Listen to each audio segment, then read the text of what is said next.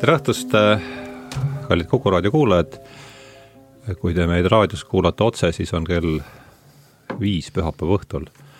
meil on siin praegu, mis esmaspäev, kahekümne viies märts ja Just. rõõm tervitada kahte saatekülalist, Mihkel on siin viimasel, viimastel kordadel, juba kolmandat korda vist lühikese aja jooksul, eks? nii on, nii on Äh, aga ikka hea meel sind äh, tervitada siin ja veel suurem hea meel on tervitada Johannat, Johanna Rossi, äh, kes on esimest korda siin ja olge nii kenad, öelge enne, kui ma teema sisse juhatan, paar sõna enda kohta, et mille, kes te olete, millega tegelete siis? mulle meeldib määratleda ennast kultuurieugeenikuna. õppinud olen Tartu Ülikoolis viis aastat keemiat ja pärast viis aastat kulturoloogiat ja semiootikat mina olen suurtes enesemääratlusraskustes pärast seda, kui ma enam, kui katkes minu side Tartu Ülikooliga, sest ma kaitsesin kirjandusteaduse või eesti kirjandusloo alal doktorikraadi. muidu toimetan ajakirja Keelekirjandus, aga siin olen ma ilmselt hoopis sellepärast, et mind peetakse hobifeministiks. ah soo, ma aga mis sa, mis, milles su töö oli, doktoritöö? Mm,? Nõukogude Eesti naisarengu romaanist Aira Kaalust kuni Maris Aadini. ahah, vot siis, siis on ju küll otsapidi äh, teemaga.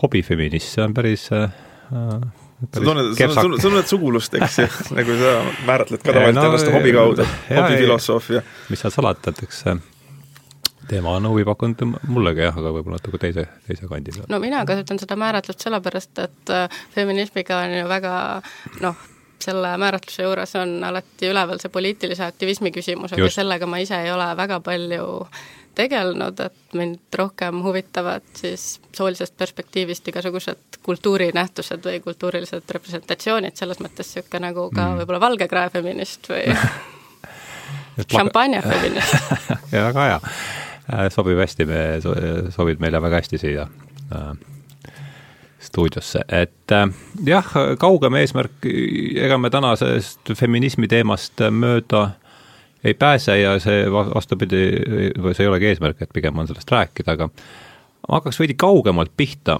et kui tänasel saatel on teema, et siis selleks võiks olla pigem intersektsionalism.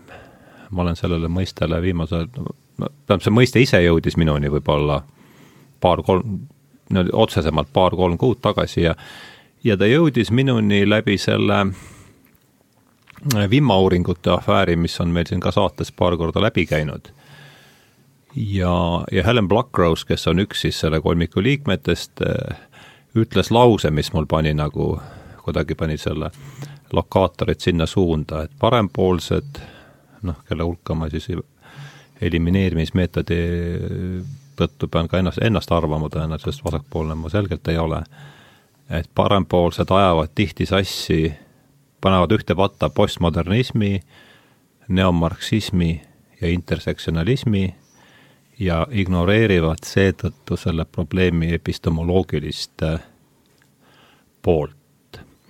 et katsuks, et see on see lause, millest ma lähtun selles saates ja et noh, mis, mida, mida ta selle all nagu võis üldse mõtelda ja ma arvan, kõige niisugune mõistlikum äh, viis seda lauset arutama hakata on äh, küsida teie käest, et mida teie intersektsionalismi all äh, mõistate ma anname, hakkame Johanna. ma, ma, ma, ma tahtsin just ise öelda, sellepärast et ma tean, et Johanna on pädevam siin. okei okay,, siis et, et, et teha nagu niisugune väike, väike üldistus selle märkuse kohta, mis ise alguses tegid, et, et üldiselt on, see on nagu inimesele üldomane, et et ta nii-öelda asjade hulgas, mida ta peab põhimõtteliselt valeks või vääraks, et ta mm., tema eristusvõime seal kuigi terav ei ole Mm -hmm. see on noh, üks pada kõik, eks ja, ju. jaa, see on hea Mingi tähelepanek. intersektsionalism, postmodernism, neomarksism, üks pada kõik, eks ju, seal me ei tee eristusi mm. -hmm. umbes samamoodi nagu ütleme siis mingid äh, seksuaalneurootilised katoliiklased ei hakka tegema eristusi mingite äh, asjade vahel, mis kalduvad kõrvale normaalsest tuumikperekonnast, üks perverssus kõik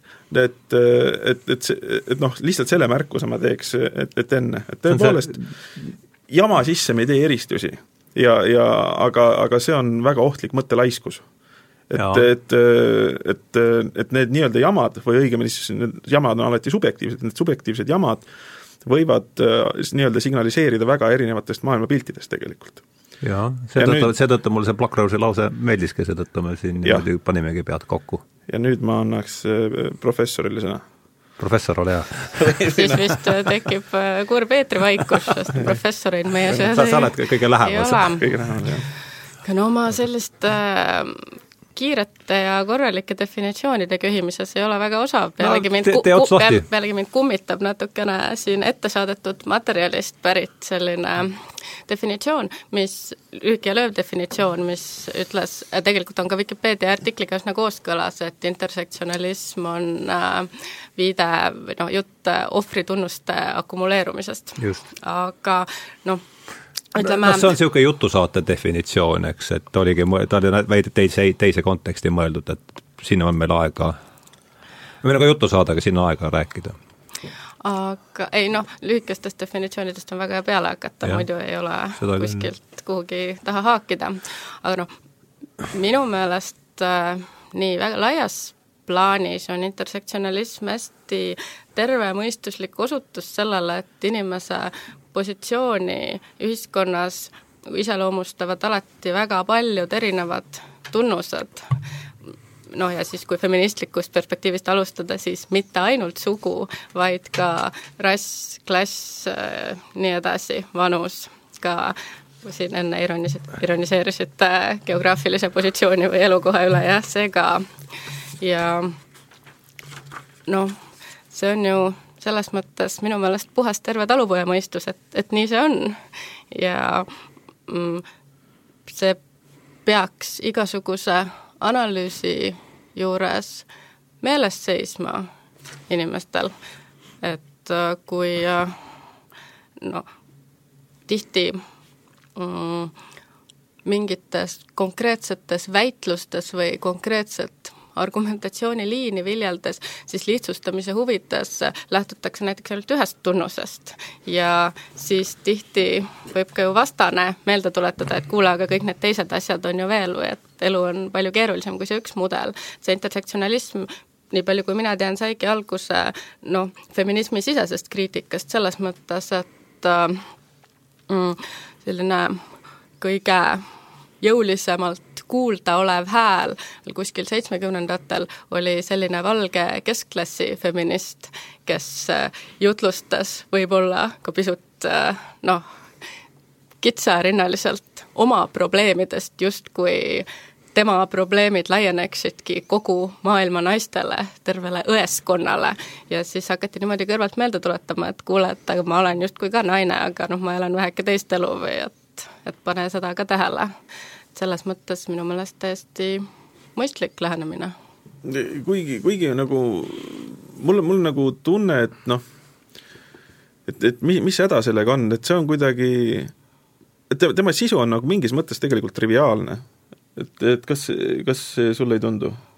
Noh, selles mõttes noh oled sa üldse Johanna definitsiooniga päri? jaa, jaa, intersektsionalism ja minu, minu arust selle häda ongi see, et ta nagu et noh, epistemoloogiliselt on veel lihtne, eks ju, me vaatame mingit näiteks inimest või isegi inimgruppi ja hakkame siis äh, liigitama tunnuste klasse, millesse ta kuulub, eks ju, et see on nagu ma ütleks, et see on inimtunnetusele kõige üldisemas mõttes omapärane, et me võime isegi Mendelejevi tabelit nimetada selles mõttes intersektsionalistlikuks menetluste vahendiks, eks, sest see ju ka äh, reastab ära seal aatommassi järgi, elektronkihtide arvu järgi ja siis välis, välisel kihil olevate elektronide arvu järgi ja suurepärane asi, saame grupeerida, funktsionaalne.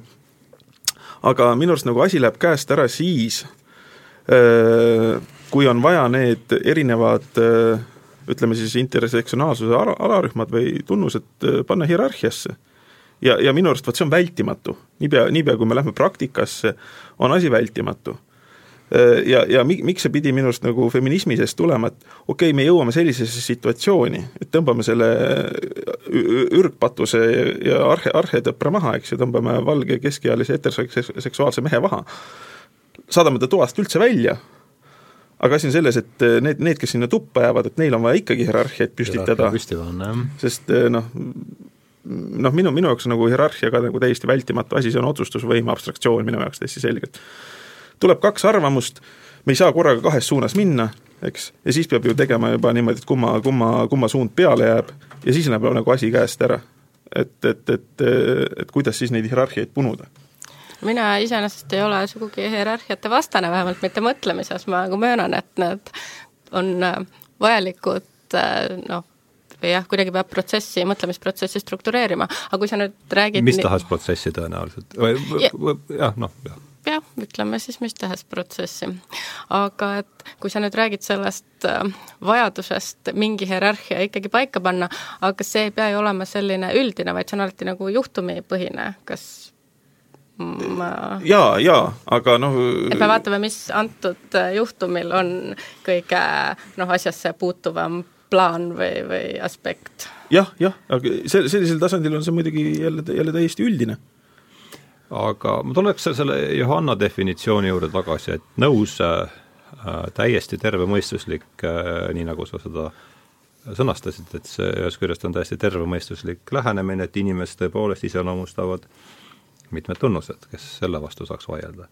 aga minu meelest äh, ja sa tõid selle hierarhia momendi sisse, aga minu meelest ei ole kordagi veel täna läbi käinud sellest arutelust sõna, mis kummatigi on kogu selle, selle sõna taga oleva hoiaku juures kõige olulisem, on seesama rõhumise teema.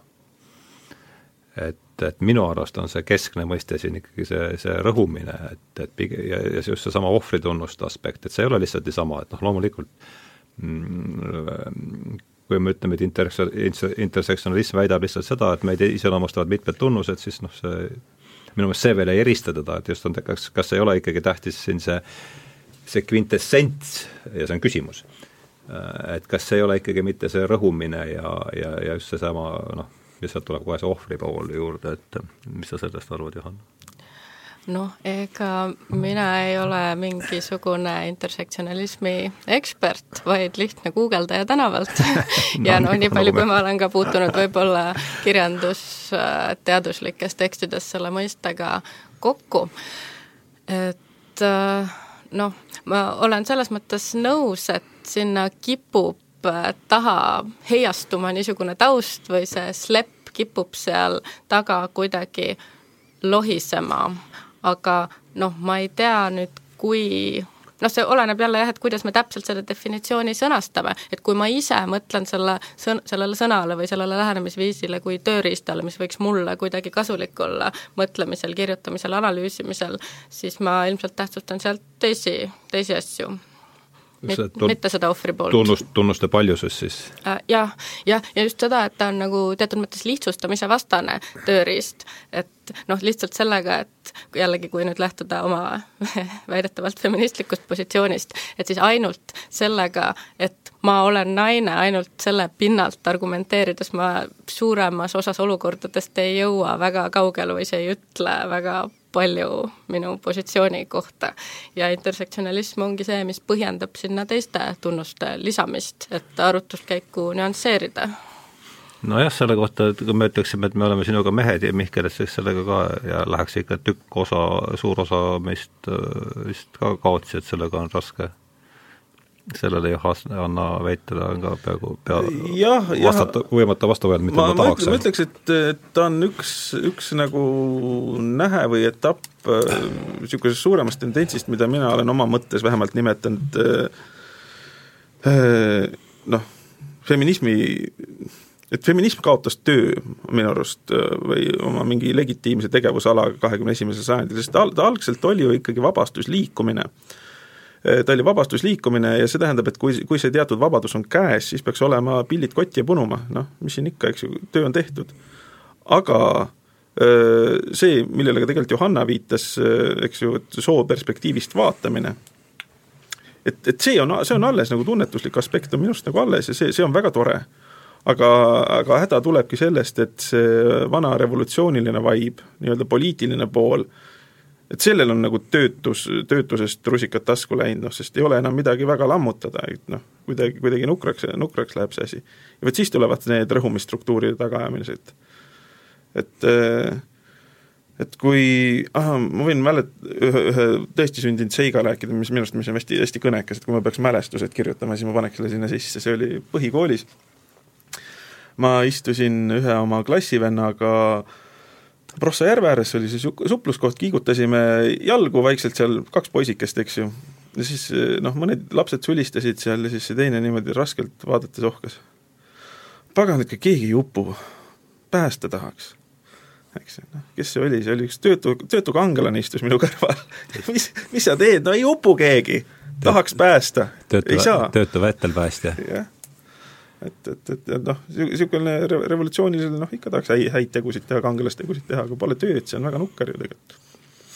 tuli, pikk saade siin võib rääkida, üks lugu viib teisele, et äh, mul tuli meelde üks äh, minu kolleeg, üks filosoofia õppejõud, kes oli käinud mitmetes mitmed, ta on noh, käinud kõik Eesti kõrgkoolid läinud, ma ei hakka siin nimesid praegu nimetama.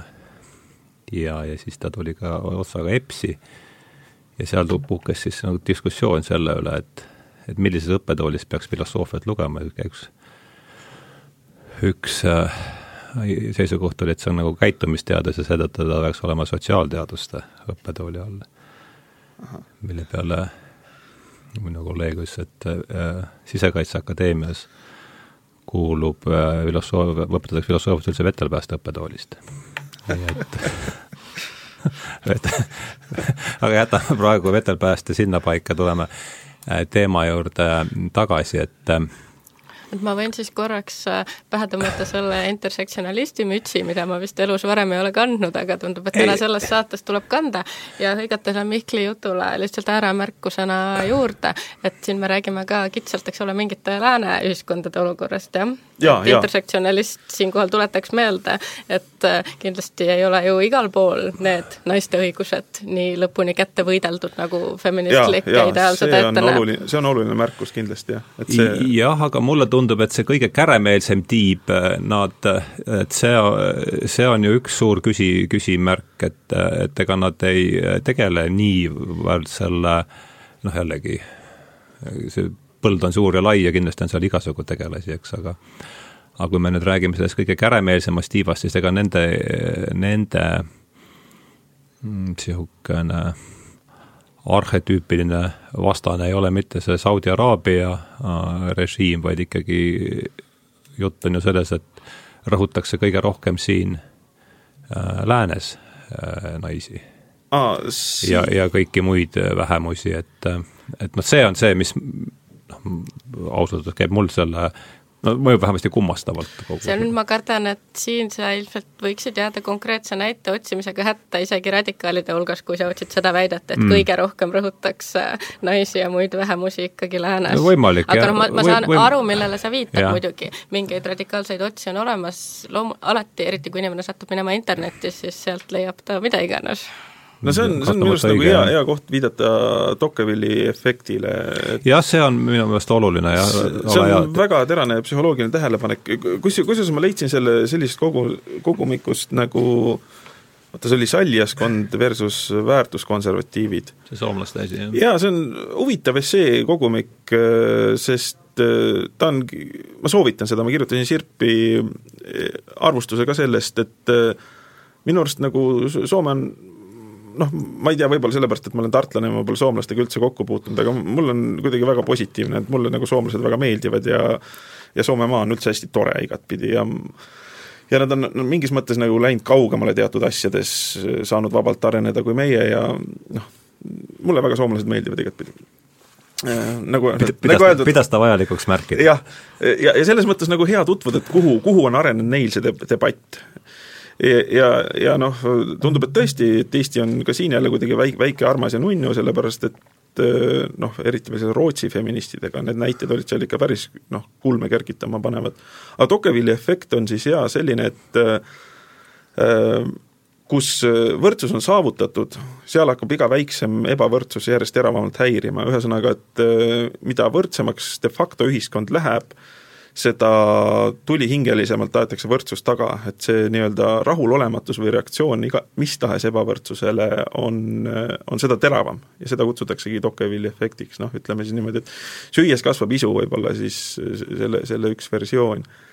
ja, ja kui ma mõtlen ka Maslow'le siin, Maslow'lt oli minu arust väga oluline tähelepanek see, et kui mingi asi saab põhimõtteliselt võimalikuks inimese jaoks, siis see hakkab teda painama selles mõttes, et ta, inimene pea, tunneb see, see, see seismistungi, et ta peab olema see, mis ta olla saab või võib. noh, me võime siin seda öelda ka mingi internaliseeritud sooritussurve siia, on vist selline moodne sõna ka, internaliseeritud soovitussurve. sooritussurve. sooritussurve. jah, see on, see on veel, see on veel üks kahtlane mõiste minu arust, sooritussurve, see on see, et kui inimene tunneb, et ta on nagu kohustatud midagi tegema aga mida võib jälle teiselt poolt vaadata sel-, sellise moesõnaga nagu selle ma panen kohe kirja. jah, äh, on nagu võimestamine, eks ju, mida me teeme, kui me võimestame kedagi? minu arust see on nagu feminismis hästi oluline mõiste, eks ju. see on see empower, empowering või? jah, empowering, et, et kedagi on vaja võimestada ja see, kui ma hakkan kedagi võimestama, noh, ütleme, ma ei tea, et ma tahan siin Johannat või Hardot võimestada, see tähendab sisuliselt, et ma tekitan teile sooritussurve. ära, ära, ära parem tee seda okei okay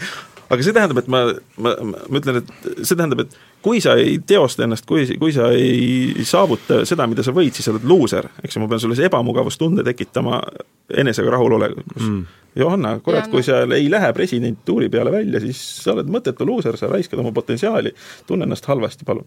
No see on no. see, mis natuke konkreetsemal tasandil on, ma ei tea, angloameerika, ütleme, ma ei tea, feministlikus popkultuuris või tuntud selle mõiste kaudu kaudu having it all, et äh, kas äh, naine või siis ka inimene üldse, kas ta saab elus kõike saada, et see noh, võimestusdiskursus ütleb, et saab küll, naine, sa saad äh, luua pere ja käia karjääri. tööl, teha karjääri, mida sa ütleme, sada aastat tagasi noh, ei saanud, ei peetud heaks tooniks või üldse ei võimaldatud ühiskondlikult. nüüd öeldakse, et jah, sa saad, sa saad seda kõike teha, aga noh, mingis mõttes võib see ju inimesega lõhki rebida, sest kui mõelda nüüd, kui jätta konkreetne soo, sooküsimus selja taha, kui põhimõtteliselt küsida, kas inimene võib kõike saada, noh selge, et ei saa. jah, tööjaotus juba nagu ja niisugused efektiivsused, asjad et tuleb mingeid lõive ühesõnaga maksta, et see on täpselt see äh, kahetisus, mille sa välja tõid praegu, ma arvan. jah, ja nii kipub nagu olema nende, nende, nende kõigi tahkudega. aga, aga no okei okay,, see läheks nüüd teie teemast nagu liiga palju kõrvale, aga see on minu arust nagu jah, mitmetahuliste aspektide et noh, intersektsionalism, eks ju, niimoodi nagu alguses on see, et erinevate tunnustega arvu, arvestamine, see on nagu äh, see on nagu kuidagi ohutu ja tervemõistuslik, puhttunnetuslik äh, asi, nagu epistemoloogiline, me ülita-, üritame kirjeldada mingit nähtust Just, ja siis nagu, lisame tah-, kah-, tahke nagu,. jah ja, ja, ja õigupoolest minu arust on nagu tõepoolest, see on nagu nii triviaalne, et see ei vääri mingit eriterminit. ja minu meelest see ei vääri ka eriterminit, selles suhtes ma olen Mihkliga nõus praegu aga kas ei ole nii-öelda suured tõed enamasti väga triviaalsed, lihtsalt küsimus on selles, kuidas oma igapäevases mõtlemises nagu žongleerida nende kõigiga või noh, kõiki neid asju korraga meeles pidada, mida sa peaksid kvaliteetse mõtteprotsessi ülalhoidmiseks äh, järgima. aga ikkagi mulle tundub, ja, ja ei ole mingit garantiid, et see tunne on õige muidugi, aga mulle tundub, et see on ikkagi see uba selles intersektsionalismis ja see, noh kindlasti see, miks ma tast räägin, on seesama rõhumise ja hierarhiate, kogu selle üleüldise sellise võrdsustamise äh, aspekt, et mulle tundub, et sellest on saamas jah, selliste millenaristlike sektide juhtideoloogia.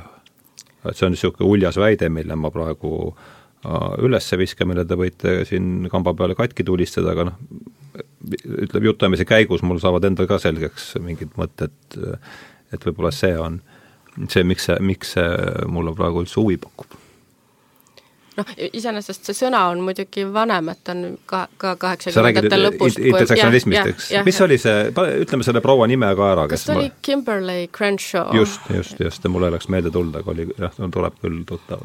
Aga noh, väga sellest hoolimata on jah võimalik, et et nüüd on see sõna jõudnud, ütleme, laia tarbesse või ka nii, et omad, omad, omad on teise tähenduse, jah. ja internetikommuunides oskab igaüks seda nii-öelda letti käia, kui tal vaja on.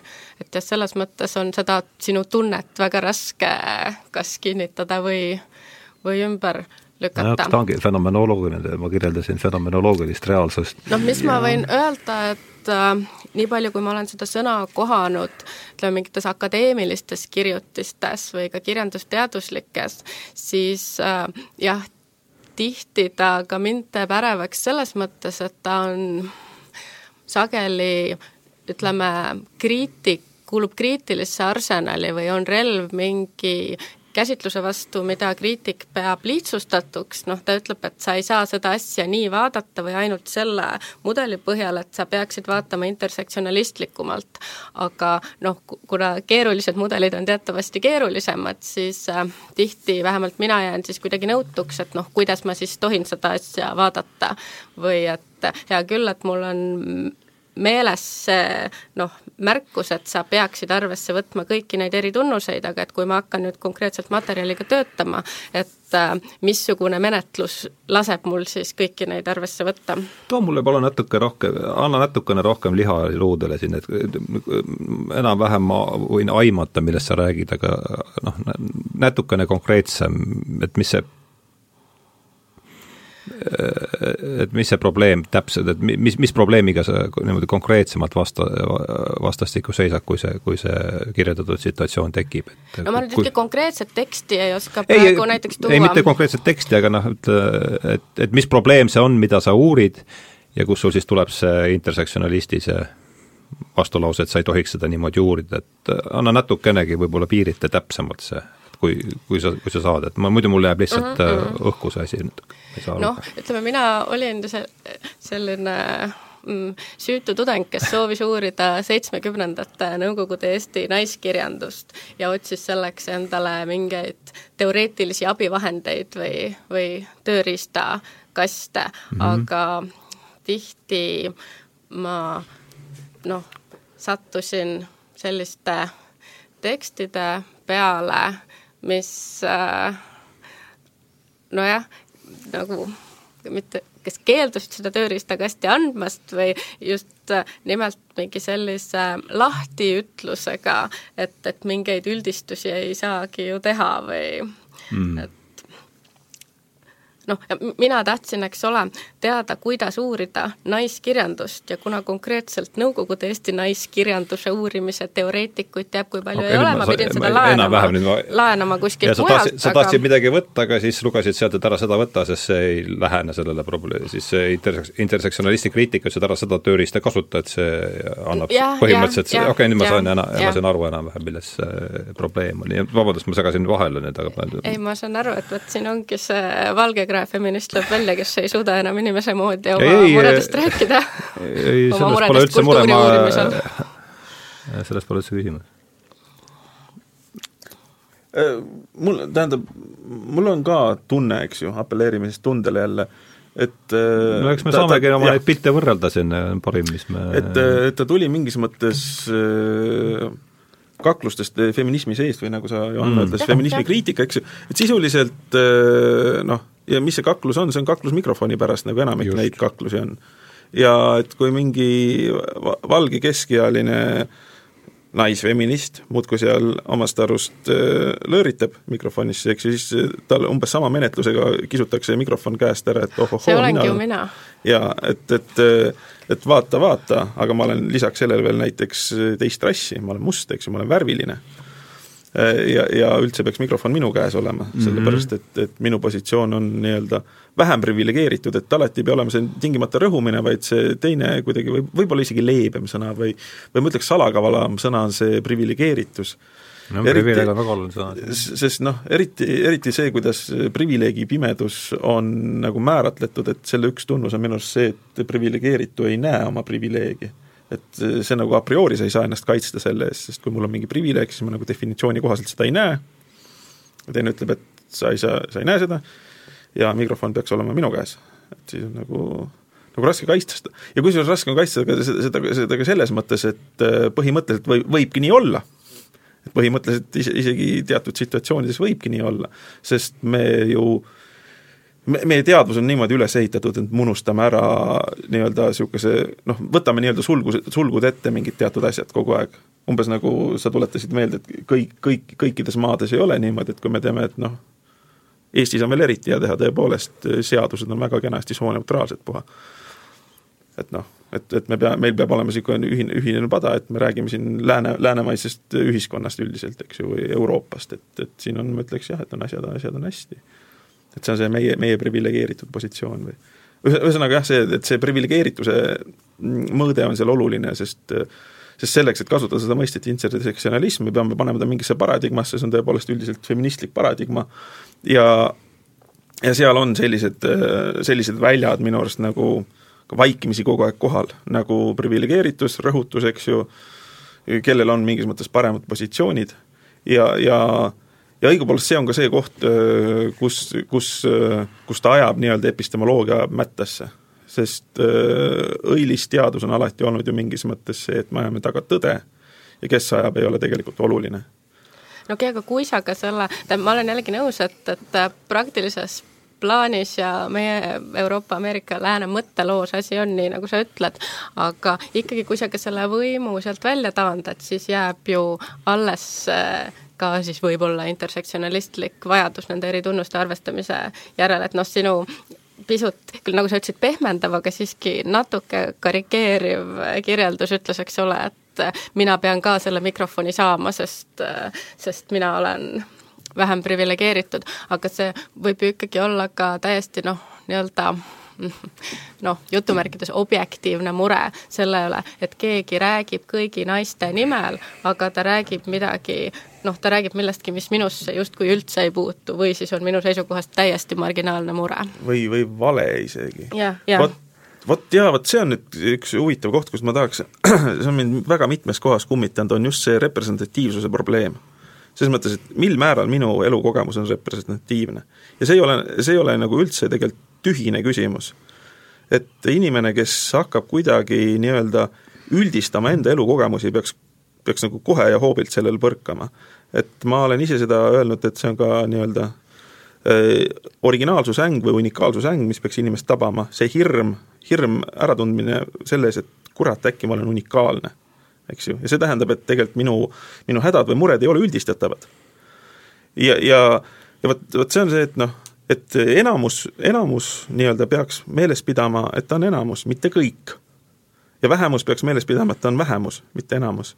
Et see, see näiteks, mis mul mõningat, miks ma vahel no, olen, olen, olen olnud üsna nähvav niisuguse feministeeriumi gängi suhtes, on see, et, et kui ma ütlen, et noh, noh, lesbifeminism on minu jaoks nagu tüpoloogia, mitte sõimusõna, et ma ausalt marsin ja ole, olen kooseluseaduse poolt ja kuidagi ei taha, et disk-, diskrimineeritaks, aga kui läheb nii-öelda kui, kui see vähemus hakkab nagu üldistama väga laia laastuga ülbelt, et, et minu arust nagu sealt läheb väga-väga ruttu libedale teele, et neil ei ole kahjuks seda pinda, kust üldistada nagu naiskogemust. et äh, tähendab, oi, mul on, mul on, see läheb nüüd jälle võib-olla isi, isiklikuks jutu, jutuks, aga mul on olnud või juhus heita pilk või mitu pilku korraga väga omapärasesse naismaailma. see on ma ei tea, kas ma seda, okei okay,, Facebookis on niisugused klubid, kuhu meil on kella viis, tuletan meelde, et saade on õhtul kell viis. jaa, et jah, seal, seal on sellised noh, ma, ma ei taha nagu väga konkreetseteks minna, ma ütlen üldistavalt on ma olen igaks juhuks, et oleneb. ma olen, ma olen nagu üldistatav, on nagu näiteks noh, ütleme mingid suveemmed kaks tuhat üheksateist, see tähendab kõik naised, kes saavad emmedeks suvel kaks tuhat üheksateist, tulevad sinna kokku räägivad jutte oh,. see, see on, see on ikka ja mul on, kuna, kuna mu äh, naine on ka sellises staatuses ja siis ta on ühinenud ühe sellisega, vot see on väga valgustav mulle, ma nagu rusikaga näkku saan sealt, mis jutte seal aetakse, vot see on täiesti nagu hämar maailm. seda ma ei tea, vot see on huvitav kogemus. ja niisugune, niisugune nii-öelda, niisugused sooperspektiivid mulle nagu täiesti meeldivad, aga ma tunnen, et vot seal ma vahin lihtsalt niimoodi näpp suus ja ei ütle mitte midagi, sellepärast et see pole minu maailm absoluutselt mitte, et äh, aga, aga see, aga mina tahaksin meelde tuletada, tahtsin lihtsalt meelde tuletada, et äh, väga ilus empaatiline jutt, elan igati kaasa, aga et tuleks ka meeles pidada, et sa ei saa ju selle põhjalt teha automaatselt järeldust, et see on kõigi naiste maailm või isegi kõigi nende naiste maailm, kes saavad emaks suvel kaks tuhat üheksateist. see oleks ka vale. jaa, jaa, see, see representab seda ta ka ütles, et ja, enamus ja. peab meeles pidama, et nad ei ole kõik just, ja vähemus just. peab meeles pidama, et nad ei, nad ei ole enamus ja et see, see see tähendab representatsi-, noh, representatiivsuse probleem minu arust, vot see on üks kõige kummitavam probleem sellistes asjades. niipea, kui me lähme fenomenoloogia, noh, meie, meie isiklikku oma ilma. jah, mulle tundub tegelikult, et noh, et kui me sellest printsiibist lähtuksime, mis sa minu arust kenasti sõnastasid, see vähemus ja, ja kõik see hakkas uuesti üles kordama, siis oleks ju no siis oleks ju võib-olla suur probleem, suur hulk probleeme kukuks ära. aga aa, tohin no, ma veel ühe targutuse teha vahele, et paneme tähele, et üks kõige vanemaid ja universaalsemaid äh, äh, noh, kõlblusseadusi, kõl-, eetika kuldreegel, käitu teisega nii, nagu sa tahad, et sinuga käitutakse, tegelikult tugineb eeldusele, et teine on põhimõtteliselt samasugune kui sina. Ja noh, mingi, mingi, mingis ja, väga üldises mõttes isegi on see niimoodi, eks mingis see mõttes see ju jah, on, et aga, aga jah, et, et noh, siin on ka see okas on, okas on sisse peidetud. et ei pruugi olla jah, aga noh, kas need probleemid hakkavad sealt pihta, ma vaatasin, soovid-, kasutan ka siin seda võimalust soovitada äh,, Niall Fergusonil oli paar, ma sattusin selle peale paar äh, päeva tagasi Austraalia asepeaministri John Andersoniga oli väga-väga hea vestlus. ja minu meelest, mis ma sealt, no ega see midagi uut ei olnud, aga ta sõnastas selle, et meil see vaike säte on nüüd ja siit hakkavad need probleemid pihta võib-olla siit noh, läheb, liigumegi sinna edasi, see vestlus on niisugune orgaaniline äh, nähtus, et, et see vaike säte praegu on noh, ta ütles, et see on siis politics of outrage, outrage mis siis ma arvan, et eesti keeles võiks seda öelda niimoodi, et selleks, et üldse osaleda ühis- ja noh, vaatame praegu siin oma seda valitsuse moodustamise asja, selleks, et üldse avalikus debatis osaleda, pead sa kõigepealt ennast vahule kloppima eks nör-, nördimuspoliitika no, olla nör, näiteks. nördimuspoliitika jah, et selleks jah, aga just idee see, et, et, et üldse kuhugi minna, sa pead kõigepealt ennast vahule kloppima ja siis sa saad alles hakata, no, no siis saab üldse arutama hakata, et enne kui sa ei ole äh, niimoodi ennast äh, peseeks vis-, vispeldanud, see, sul ei üldse, ei ole üldse asja stuudiosse kuhugi, et mis see selles ja, ja mis, ühesõnaga võtame kommentaari nagu siin ja siis mul on mingi idee, et kust see võib pärit olla. et kas see võib olla niimoodi, et mul ma ei saa astuda avalikku diskussiooni või diskussiooniruumi muidu kui hüüatusega ma olen solvunud, ma olen raevunud, mul on tehtud no, liiga. nördimu-, nördimuspoliitika on see ja, ja, ja kas sulle ei tundu, Johanna, et see, et intersektsionalism äh, ja, ja ma täitsa adun mm. seda, mis sa rääkisid äh, enne, et ta, see juured on palju kaugemal ja, ja, ja nüüd on ta siin noh, see tõenäoliselt elav sõna, ta on omandanud, et kas see ei ole, see intersektsionalism, intersektsionalism sellisel kujul, nagu mina teda praegu, sellisel kujul, nagu ta mulle praegu huvi pakub, on mingi märk sellest nördimuspoliitikast, jääme siis selle termini juurde ja mis sina sellest üldse arvad ja mis sa arvad, kus on selle nördimus, nördimuspoliitika juured? ja kuhu no, see meid kanda võib lõpuks? no see, kõik sellised asjad on ju alati peamiselt määra küsimus. mingis mõttes on see ju jällegi täiesti loomulik, et ma astun sinna avalikule areenile midagi ütlema siis, kui ma soovin millelegi reageerida. millelegi ma tahan ikkagi tähelepanu juhtida või noh, mingi, millelegi üles kutsuda või midagi võiks teha natuke teisiti, mul on noh, mingi, aga jah, et, et kui siis hakkab tunduma, et see ületab mingi mõistliku määra või just nimelt näiteks, et keskenduma peab siis solvumisele või sellisele jah, ka isiklikule haavumisele, et see jah, noh, see kõlab, eks ole, ülemääraselt, liiaselt, nii see ei tohiks olla. noh, see on jällegi see, see taju küsimus, et ma saan aru, et sina tajud seda intersektsionalismi sõna just niimoodi just. ja just selle ja sellest, ja, ja mul ei ole ka millestki muust rääkida kui seda, mida ma tajun, eks mm. -hmm. ma ei, noh, ega vist sul ka mitte. ja ega Mihklil ka vist mitte. me ikka ju oleme vist ta, mitte ta, tajukeskused, eks, siin kolmekesi. jah, ja asjad on meile ligipääsetavad ainult niivõrd, kui me neid tajume. just. aga noh, ma ei oska selles mõttes mul vist nii, endal nii tugevaid tundeid ei ole selle no, sõna suhtes, et ma pigem olen lihtsalt harjunud siis kõrvale jätma selliseid kasutuskontekste või noh mm, -hmm. neid, neid nagu kõrvale lükkama või mitte neile väga palju tähelepanu pöörama no,. ilmselgelt teised filtrid peal kui meil ja,. teised nördimusfiltrid võiks isegi no, öelda. teised asjad ajavad võib-olla jah, rohkem just, närvi. aga nagu kas tohib Johannelt küsida, et mis raamat tal kaasas on ja miks?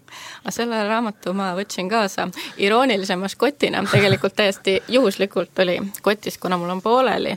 see on äh, Naomi Aldermani ulmeromaan The Power aga ma kahjuks ei saa sellest teha veel kokkuvõtteid, kuna ma olen kusagil ühe kolmandiku peal ise.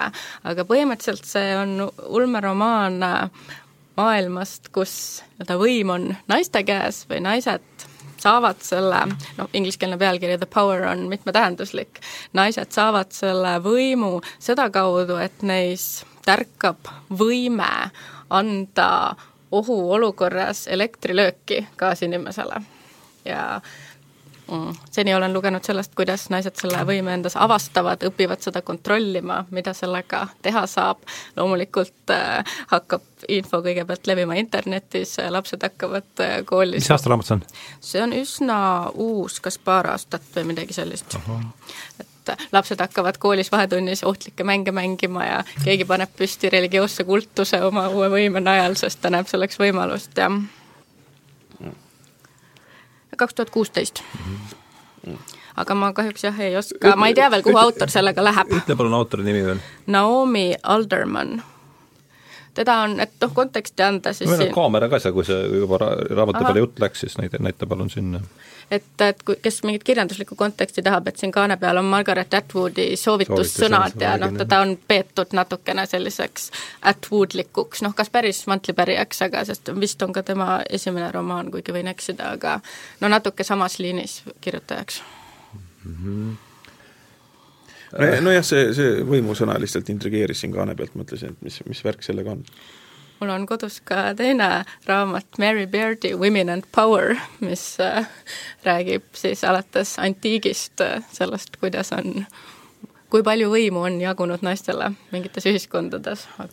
see, see on, see on tegelikult huvitav teema, minu arust sina, Hardo, oled sellest rääkinud ja ma ise panin tähele võib-olla just tänu sellele, et sa rääkisid, et noh, feminism on muutunud ka ja, ja feminismi nii-öelda edasiarendus, intersektsionalism, eks ju, et kui püramiidi tipus, võimupüramiidi tipus läheb kemplemiseks, eks ju, ja seal -hmm. läheb nagu liiga tuliseks kemplemiseks, siis nagu üritatakse kasutada mis tahes vahendeid ja loomulikult feminism sobib selle jaoks ka.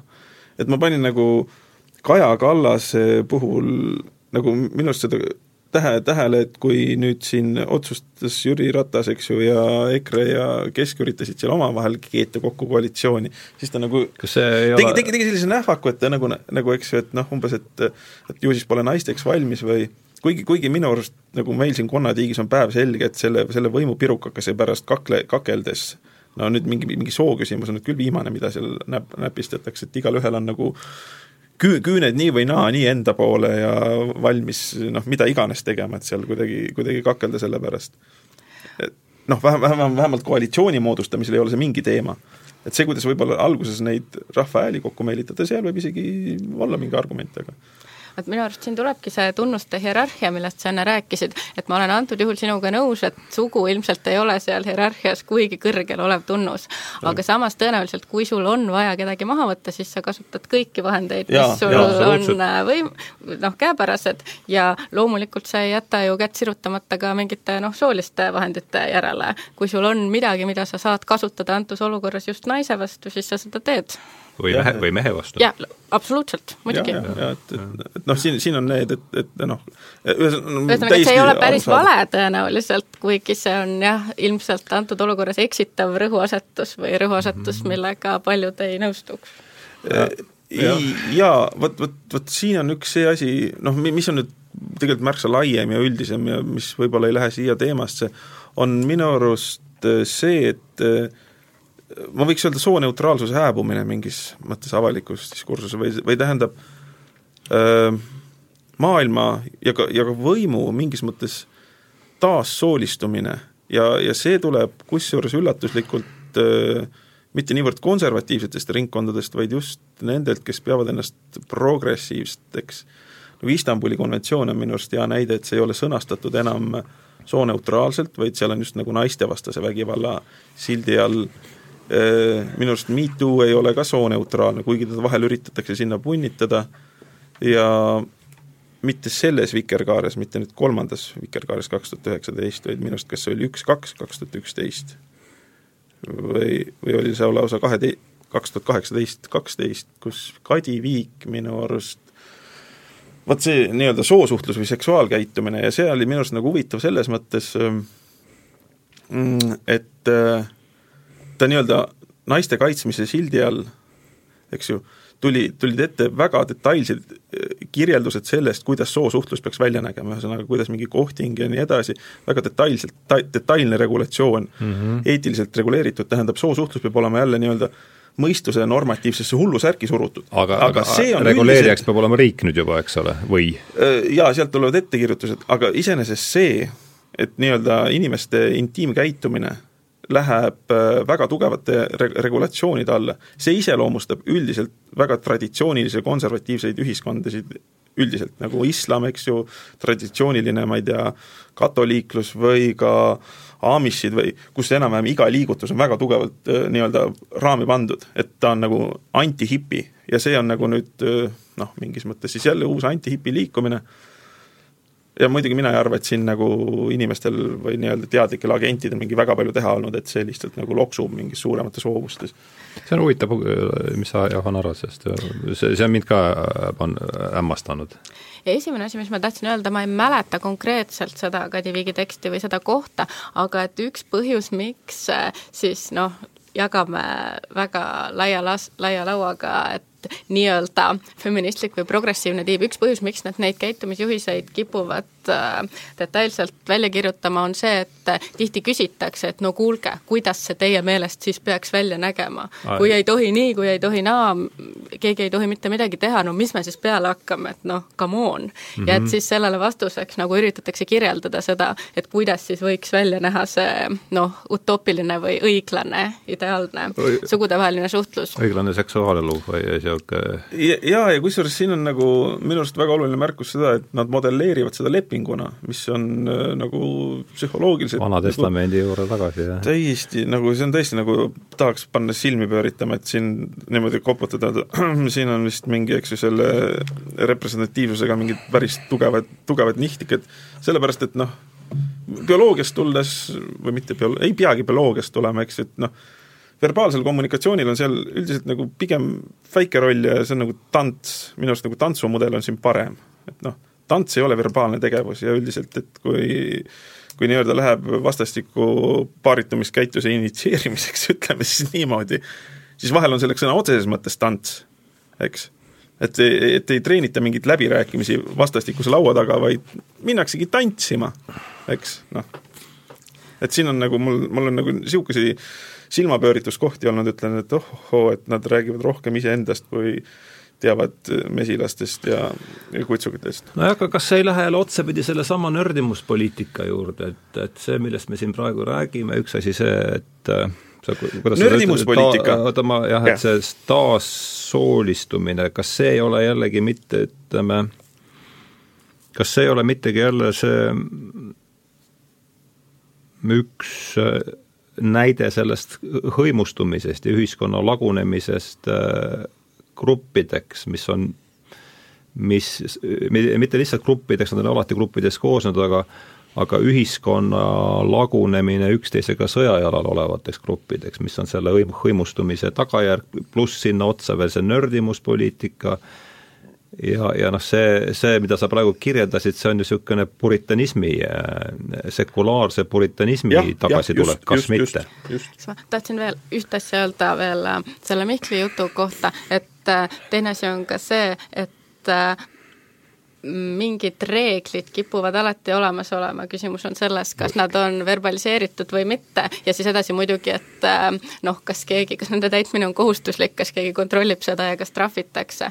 et praegu tegelikult me ikkagi kontrollimisest ja trahvimisest ju veel väga palju rääkida ei saa. Ja noh, need reeglid on ka mingites ju leebemates ühiskondades või mitte nii väga autoritaartraditsioonilistes, lihtsalt küsimus on jah selles, et, et kipuvad välja nägema natuke naeruväärsemad, kui nad on sõna-sõnalt välja kirjutatud, konkreetselt soosuhtluse osas, aga noh, nagu ma juba enne ütlesin, ma arvan, üks põhjus nende väljakirjutamiseks ongi see, et on küsitud.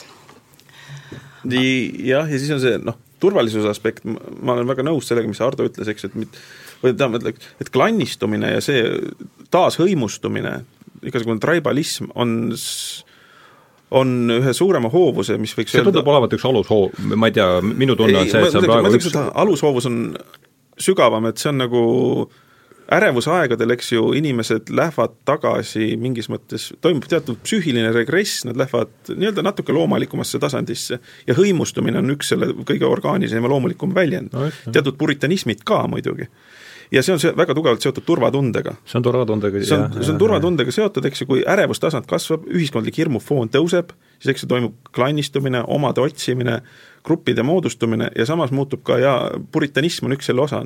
See nii-öelda hipikultuur on tegelikult niisuguse vaba turvalise ühiskonna nähe. Mm.. ja, ja, ja selles mõttes, et, et ma kindlasti ei arva, et äh, Kadi Fiik ja Feministeerium, eks ju, nagu muudab ühiskonda puritanistlikuks, ei, ühiskond muutub puritanistlikuks ja nemad väljendavad seda mingis mõttes, et no see on nüüd muna, ole... see on nüüd muna ja kana küsimus siin, et jaa, tähendab, ma üldiselt ei usu, et mingil väiksel grupikesel on kuigi palju võimu seal, ta, no ta mingis olukorras võib radikaliseerida, aga üldiselt need hoovused, et siin ma olen isegi natuke jungiaanlikum, et kollektiivne alateadvus on tõesti mitteteadvustatud mingis mõttes, et, et või, või võib ka nii öelda, et me jah, teeme mingeid asju, aga tegelikult välja tuleb alati midagi muud. kuidas, see jah, aga kuidas siis selle üksikisiku vastutusega jääb, kui, kui me sellest nüüd on päris, selle kiuste. on selle kiuste. me võtame vastutuse mitte sellepärast, et me oleme midagi teinud, vaid me lihtsalt võtame selle vastutuse mina ei keeranud kliimat tuksi, tead, mina, Mihkel Kunnus, ei keeranud kliimat tuksi, aga ma võtan killukese vastutuse ja proovin nagu, mängin kultuuriliselt mängu, et mina olen selles süüdi no nii, me jääme siin omavahel patrama, aga anname sulle ka no mõtlesin, et võiksin ka proovida siis kätt väga laiade üldistuste osas, kuigi Aa, ma ei ole otseselt äh, Pole, pole sinu eriala? ja ei ole minu eriala ja ma ei ole väga kodus ka selles äh, hõimustumise diskursuses, kuigi ma arvan, et ma sain, sain aru, mis mitte, et me oleksime äh,, aga see ei taga, takista meid siin niimoodi suud pruukimast. aga nojah, mina arvan, ma ei ilmselt on praegu ka ärevad ajad, aga ka vähem äreval ajal vajab inimene ju mingit noh, oma kogukonda või ka, ka vaimset kommuuni või midagi, kus tunda ennast omana ja koduselt ja noh, teistpidi on meil ikkagi mõnda aega need nii-öelda piirid laienenud ja on kuidas nüüd öelda, et see, kas globalism on sõimusõna, aga globaalsus ei ole või ühesõnaga noh, üleilmastumisprotsessid on ikka väga jõudsalt äh, käinud ja see mingis mõttes tekitab ju sellise ka vaimse kodutuse tunde ja siis sa hakkadki otsima, noh, et mõnda aega tagasi veel, ma ei tea, paarkümmend aastat tagasi, kui see rahvusküsimus ei olnud nii kõvasti taasaktiveerunud, siis vist otsiti vastust mingitest noh, subkultuuridest, kas või näiteks ma ei tea, muusikalised või elustiili kommuunid selles mõttes. aga et noh, nüüd on tõesti taas esile kerkinud ka sellised vanad kategooriad, nii-öelda vanad nagu, nagu rahvus või sugu. arhailisemad jah, arhailisemad ja noh, teistpidi, mis konkreetselt jälle soosse puutub, et siis see, et kas poliitika on soolistatud või ei, et noh, see on ju ka üks juba ammusest juba feminismi esimestest sammudest saadik sinna sisse kodeeritud vastandus, et kas me noh, et, et jah, ja sooneutraalsuse sõna käis ka siit läbi, sõna, mille tähendust vist mitte keegi ei tea või igalühel on oma, oma definitsioon, et et kas see kas me peame sellega silmas, et, et sood on ühesugused või nad peaksid olema ühesugused või vastupidi, me peaksime tunnustama nende erinevusi ja selle pinnalt töötama välja poliitikad, et neid võimalikult õiglaselt kohelda. et no ilmselt see, mida sina praegu tajud poliitika soolisustatusena, on äh, siis selle liini edasiarendus, et et äh, sood on erinevad ja seetõttu tuleks äh... mõtlesin, seadused, tähendab, eks ju, mõtlesin, et minu, minu arust on nagu see positiivne, esiteks ma arvan, et seadusi peaks olema väga palju riigil, ja see tähendab, need napid seadused on, et seal on subjektiks kodanik ja kodanik on sootu kategooria. selles mõttes, eks ju, kodanikul kehtivad need õigused, need kohustuslikud ja, ja neil asjadel ei ole sugu ja siin on minu arust nagu täi- ja Eesti Vabariigi noh, meil seadused on olnud praktiliselt täiesti sooneutraalsed. See tähendab, et et ta ei erista sugu.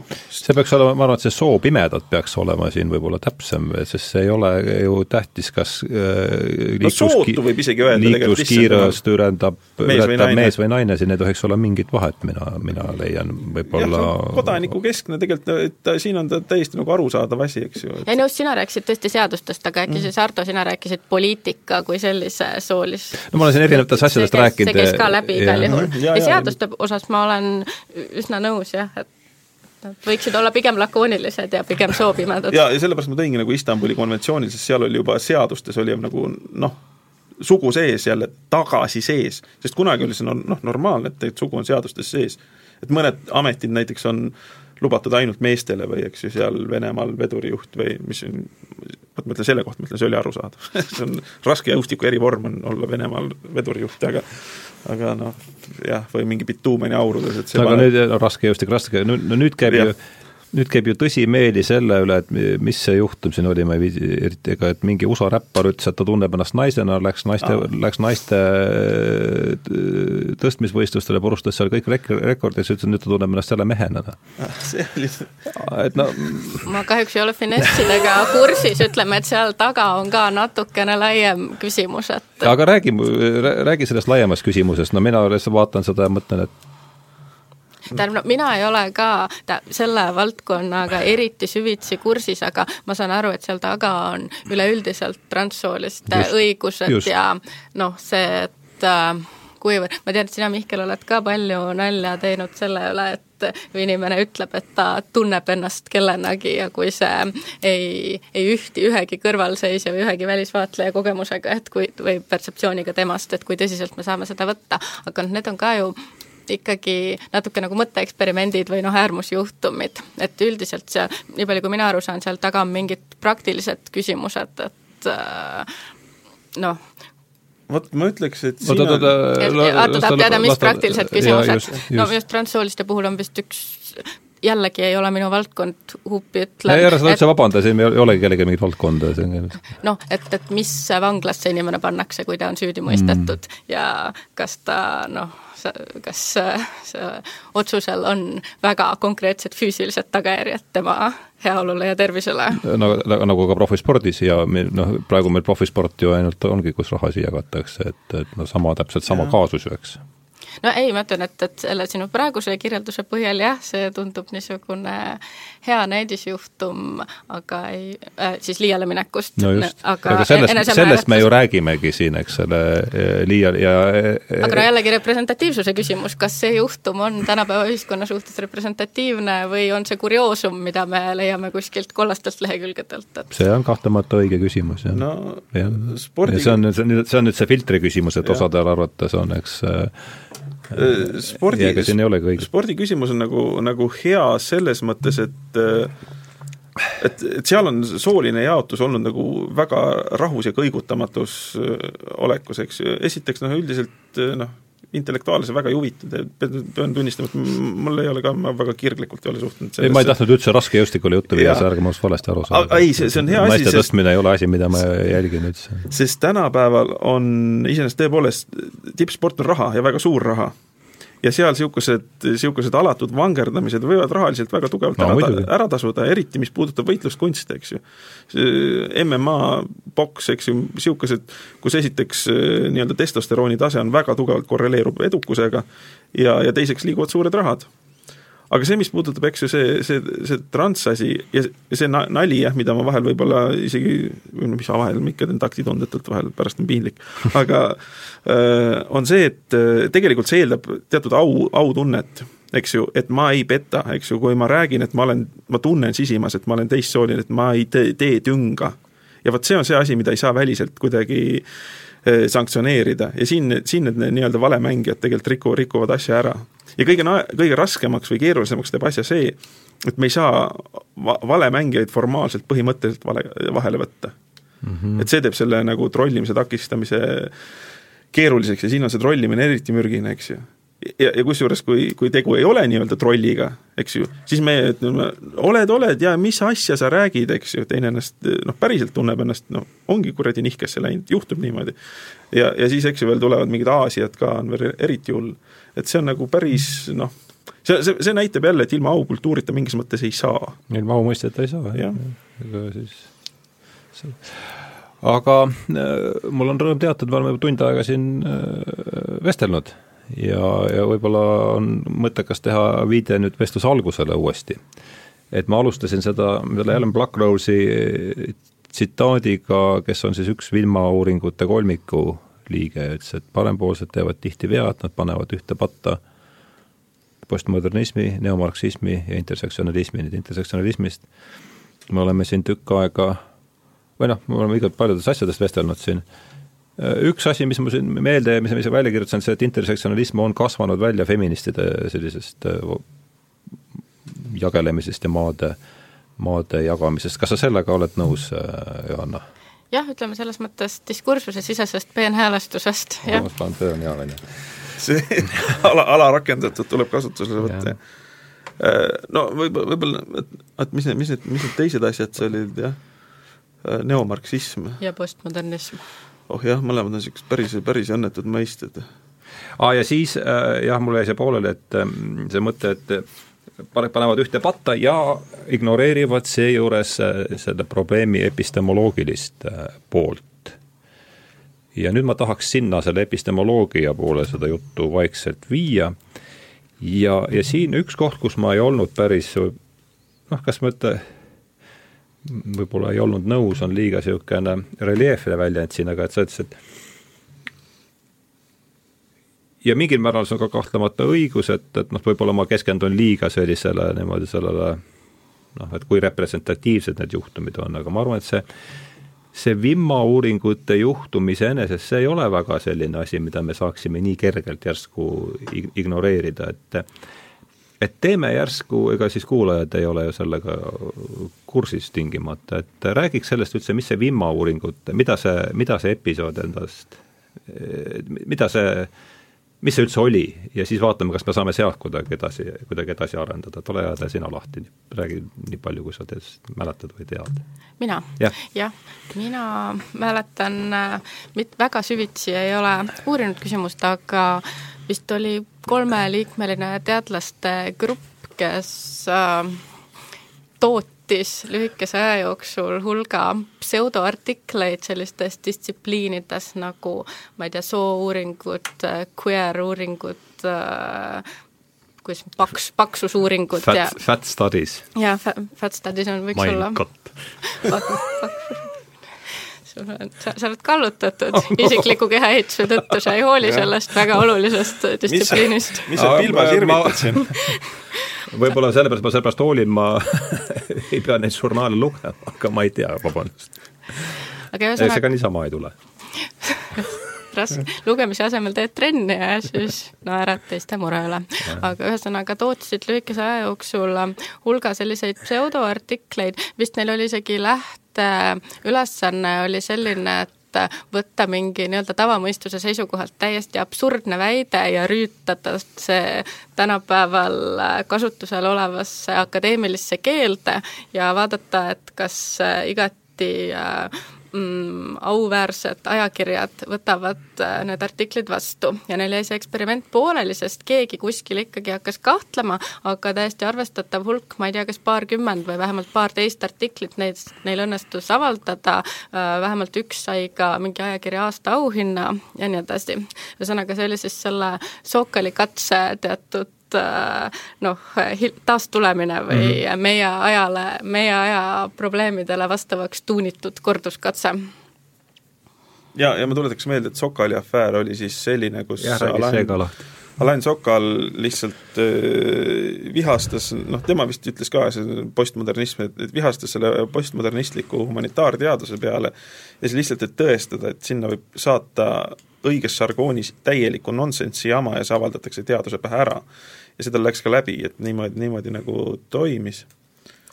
kui ma õigesti mäletan, siis selle Vimma uuringute juhtumi üks artikkel oli peatükk Mein Kampfist, kus ja. sõna juut oli asendatud sõnaga mees või valge ja, mees vist. tähendab, vaevalt nüüd, et terve artikkel sai ainult selles seisneda, ilmselt pidi muud ka olema, aga ei, sisuliselt see oli nende Mein Kampfi üks peatükk oli niimoodi ümber no ma ei ole ise lugenud. aga no Mein Kampf ei ole tänapäevases akadeemilises keeles, selles mõttes ja, ja ei muidugi, ja, ja, ja, ja, ja sõnastust pidid kõvasti muutma. vaevalt see nüüd ainult jah ja., find and replace oli, et, et ju nad seal ikka, sellega ma olen nõus, jah.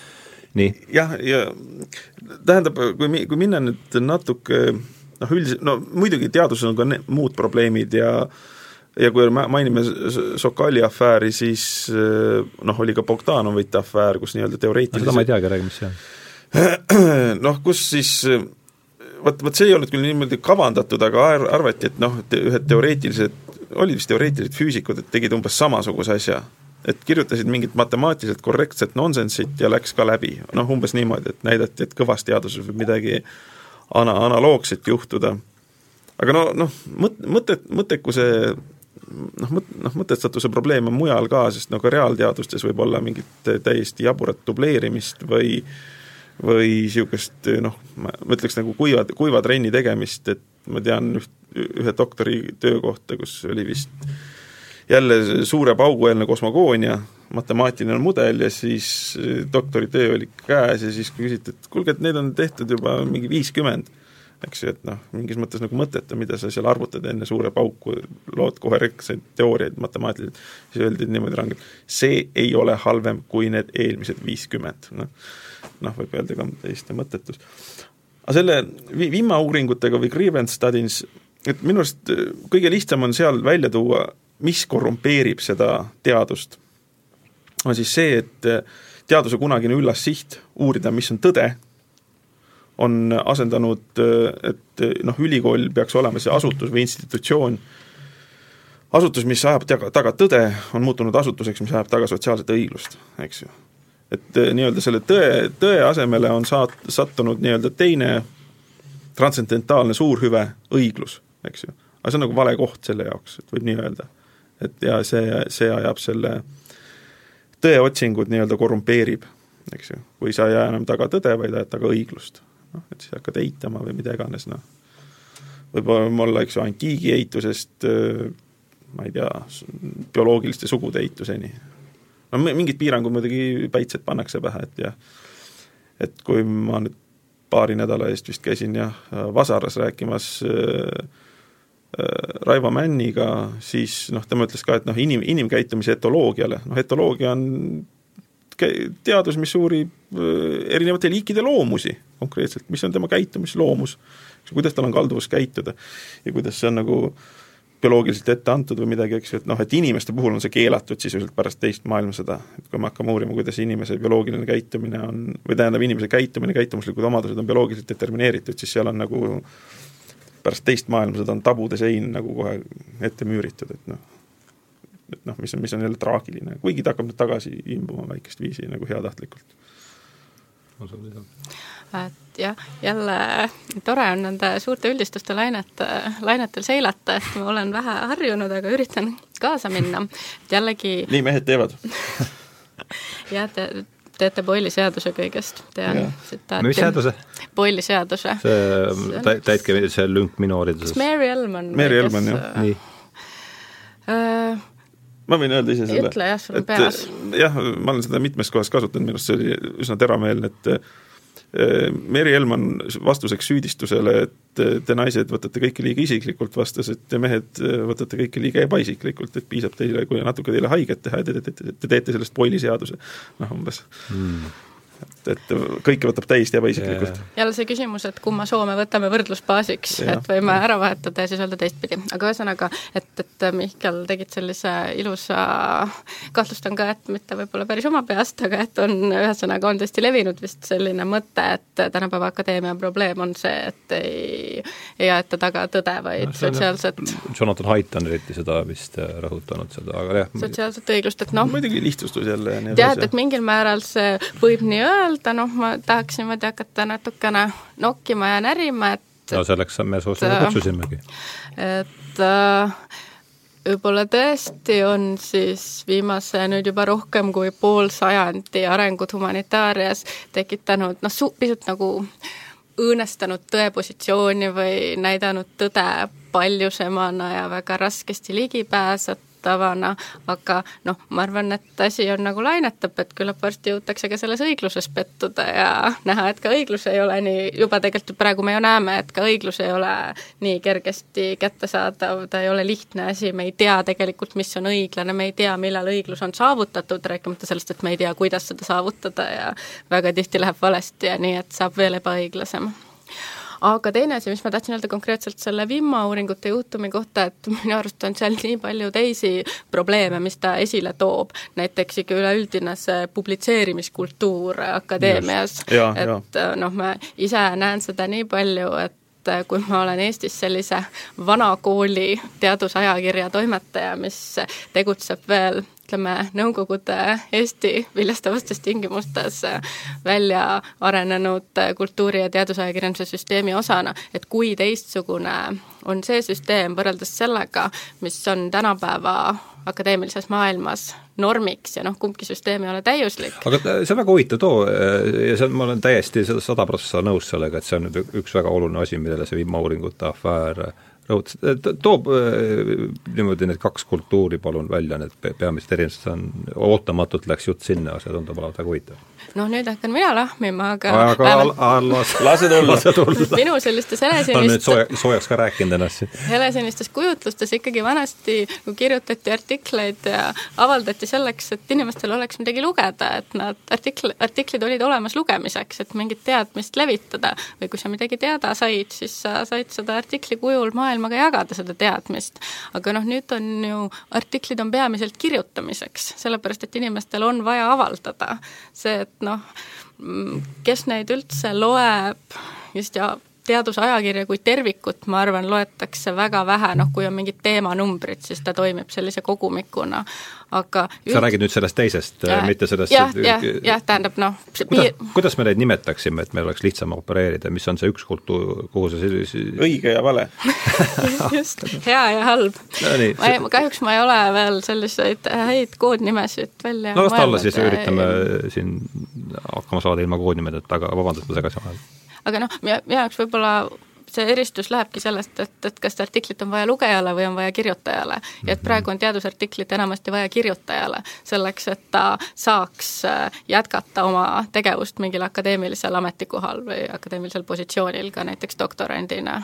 ja noh, see see artiklite ületootmine on tohutu, sest no, ja kaasa arvatud sellest olenev ajakirjade ületootmine, eks ole ja., jah, jah, noh, see on ka väga suur erinevus, see puudutab nüüd rohkem nagu töökultuuri, aga mina näiteks olen põhikohaga ajakirjatoimetaja, üldiselt tänapäeva teadusajakirju toimetatakse mingi kõrvaltööna kuskil noh, mingi ülikooli õppejõu või professori mm -hmm. lisatöö on mingit no, ajakirja toimetada, nii palju kui mina tean üldiselt sellega mul tuleb meelde isegi mingi üks kurioosne märkus või nõue, et oli jah niimoodi, et kui keegi kirjutab, eks ju, siis jälle artikli, sest ta peab kirjutama tõepoolest, eks ju, tal ei ole midagi öelda, vaid ta peab kirjutama, et siis selle et ta ei tohi ennast tsiteerida rohkem kui mingi seitsmekümne protsendi ulatuses oma eelmist artiklit või midagi sihukest, eks, et muidu inimene lihtsalt võtab oma vana artikli, teeb seal mingi paar väikest iluviga ja avaldab uuesti, sest ta tõesti, ta peab avaldama. ja, ja noh, mingis mõttes see näitab jälle, et noh, ilma au, auta ei saa, et noh, kui mingi, mingi asi mehhanitseeritakse ära, nagu varasem asi, et õi-, õilisteadlane ühes nurgas nokitseb, õilisteadlane teises nurgas nokitseb, üks saab millegagi valmis, siis ta tuututab ja kuulutab, eks ju, mille, mille ta valmis sai, munes muna, laseb letti, eks ju, ja siis on kõik, kõigil kasu sellest, et nüüd on see noh, bürokraatia tungib peale ja siis on vaja kõike normeerida, formaliseerida ja siis tulevad ka need nii-öelda formaatitäited artiklid, mis on tõepoolest ikka üsna, üsna kohutav asi tegelikult aga et ühesõnaga sellises äh, teksti tootmise masinavärgis ma arvan, see, see masinavärk ise soosib äh, niisugust äh, noh, sisutut tekstide kirjutamist ja avaldamist. üks asi seal, jah. aga nüüd ma olen palju mõelnud, mul on palju ikka aeg-ajalt mõelnud selle, ikka selle Black Rose'i lause peale, et, et nad ignoreerivad probleemi epistemoloogilist poolt ja ma nüüd räägin teile, mismoodi mina sellest aru saan. et epist- ja siis noh, tulistage see siis tükkideks või kiitke kaasa, nagu parajasti õige tundub. et, et mis on epistemoloogia või tunnetusteooria põhiprobleem, et me, kus me üldse teame asju, mida me arvame ennast teadvateks.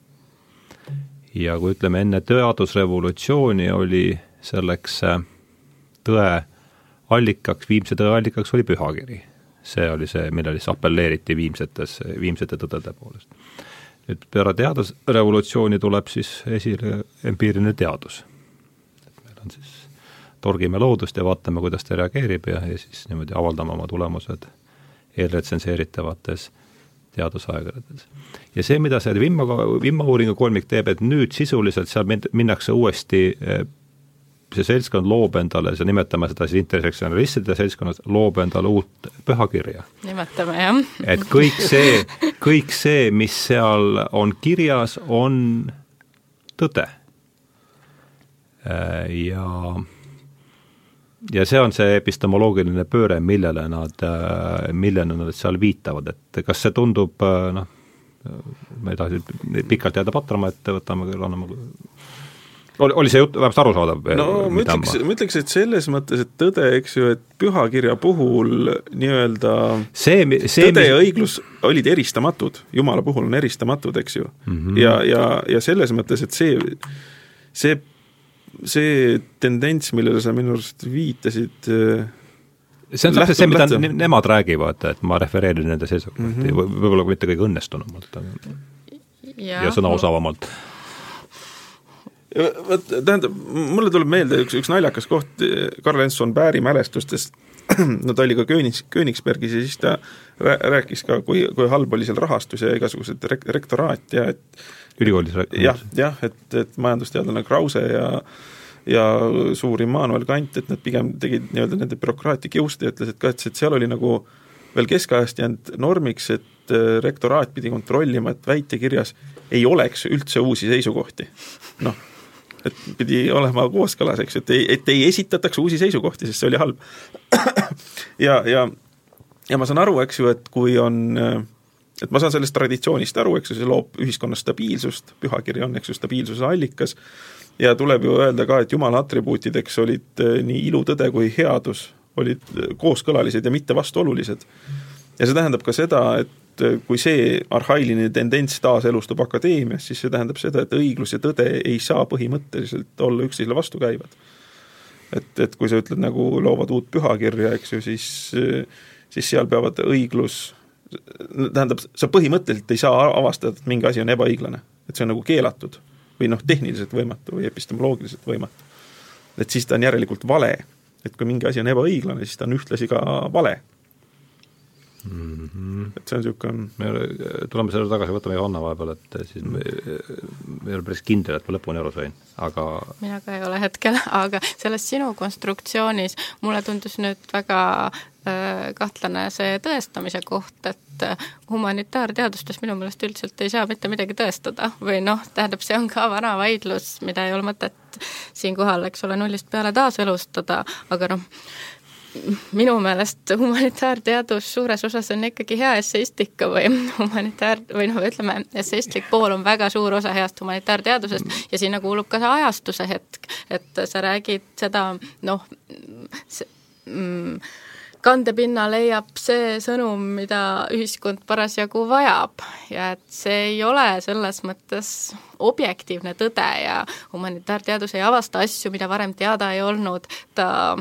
võtab mingi vana mõtte ette ja rüütab selle niisugustesse sõnadesse või mõistetesse, nagu me sellel teemal praegu mõtleme, nii et see aitaks meil toime tulla nende probleemidega, millega me parasjagu silmitsi seisame. ja selles mõttes ta ei olegi muidugi mingi, mingi kõva teadus, aga ma nüüd ei ütleks küll, et see, et see tõestamatus on siin, et humanitaaria tõestamatus on mingi uue aja küsimus ei, mind sa ei pea selles üldse veenma, et humanitaarteadus on hea essistika, ma lihtsalt üritasin äh, siin tõenäoliselt mitte kõige paremini, mida see Vimma uuringute kolmik äh, oma selle tegev-, mida nad sellest järeldasid, et see kõik, mis on ilmunud nendes äh, ja, ja veel kord midagi ütled, neil ju tingimata õigus on, aga et kõik, mis on nüüd ilmunud eelretsenseeritavates teadusajakirjades, defineerib maailma see, mis sealt on juba läbi käinud, see on nüüd see epistem-, epistemoloogiline vundament, mille peale saab ehitada järjest, järjest uusi asju ja loomulikult tõestust tähendab, tõestus ei ole mitte see, et me oleme seal nüüd midagi siis tea, statistiliselt või millegiga tõestanud selle empiirilise teaduse mõttes, seda me niikuinii ei saa teha. tõestus on see, et see artikkel on ilmunud selles ajakirjas, see iseenesest on juba maailma defineeriv tunnus. ütlevad siis äh, see vimauuringu, äh, selle vimauuringu kolmiku liikmed mm. -hmm. et, äh, et see on just ja me hakkasime sellest rääkima sellega seoses, et see epistemoloogiline pool siin, et ma ei tea, kas ma jõudsid, olin ma jälgitav? räägi edasi, võib-olla ma et äh, ma lihtsalt üritasin mõtelda, ühesõnaga, mida Pluckrose pidas sel ajal silmas, kui ta ütles, et äh, pannes nüüd ühte intersektsionalismi, neomarksismi ja postmodernismi, äh, me kipume mööda vaatama selle probleemi epistemoloogilisest poolest. no vot, sa ei ole öelnud selle tsitaadi juures, mis on see probleem, millest sa räägid. et mina, kui ma lihtsalt seda lauset kuulsin, mulle tundus lihtsalt, et need on kolm hästi eri kategooria mõistet. ja just, ja nõus jah, jah, ja, ja, ja, ja, ja mina üritan siis äh, ma üritan aru saada, mida see tähendab, kui ta ütleb, et me vaatame mööda probleemi epistemoloogilisest poolest. ja, ja nii palju, kui ja siit ma siis üritasingi saada teie käest äh, vastukaja sellele mõttele, et, et minu arvates on see, et äh, tõe kriteerium on muutunud Aa. Äh, et täpselt nii, nagu enne teadus, teadusrevolutsiooni oli see, et oli pühakiri, siis nüüd on jälle pühakiri, aga pühakiri pole muidugi enam piibel, vaid kogu see teksti kanooniline korpus, kus siis on äh, need artiklid ilmunud ah,. Okay. oli see nüüd jõudis okay, kohale? nüüd, nüüd, nüüd jõudis kohale aga.... et mis sa sellest arvad siis, kui, kui ta, jumal tänatud, ei läinud pool tundigi, et ma ma vabandan oma ve verbaalse väljendusvõime pärast. ei no selleks on ju vist kogu see retsenseeritavate ajakirjade süsteem välja töötatud, et et äh, noh, et seal ilmuv oleks võimalikult usaldusväärne ega ta ju absoluutse tõe staatust ei saavuta seetõttu, aga jah, teoreetiliselt mõte on selles, et küll,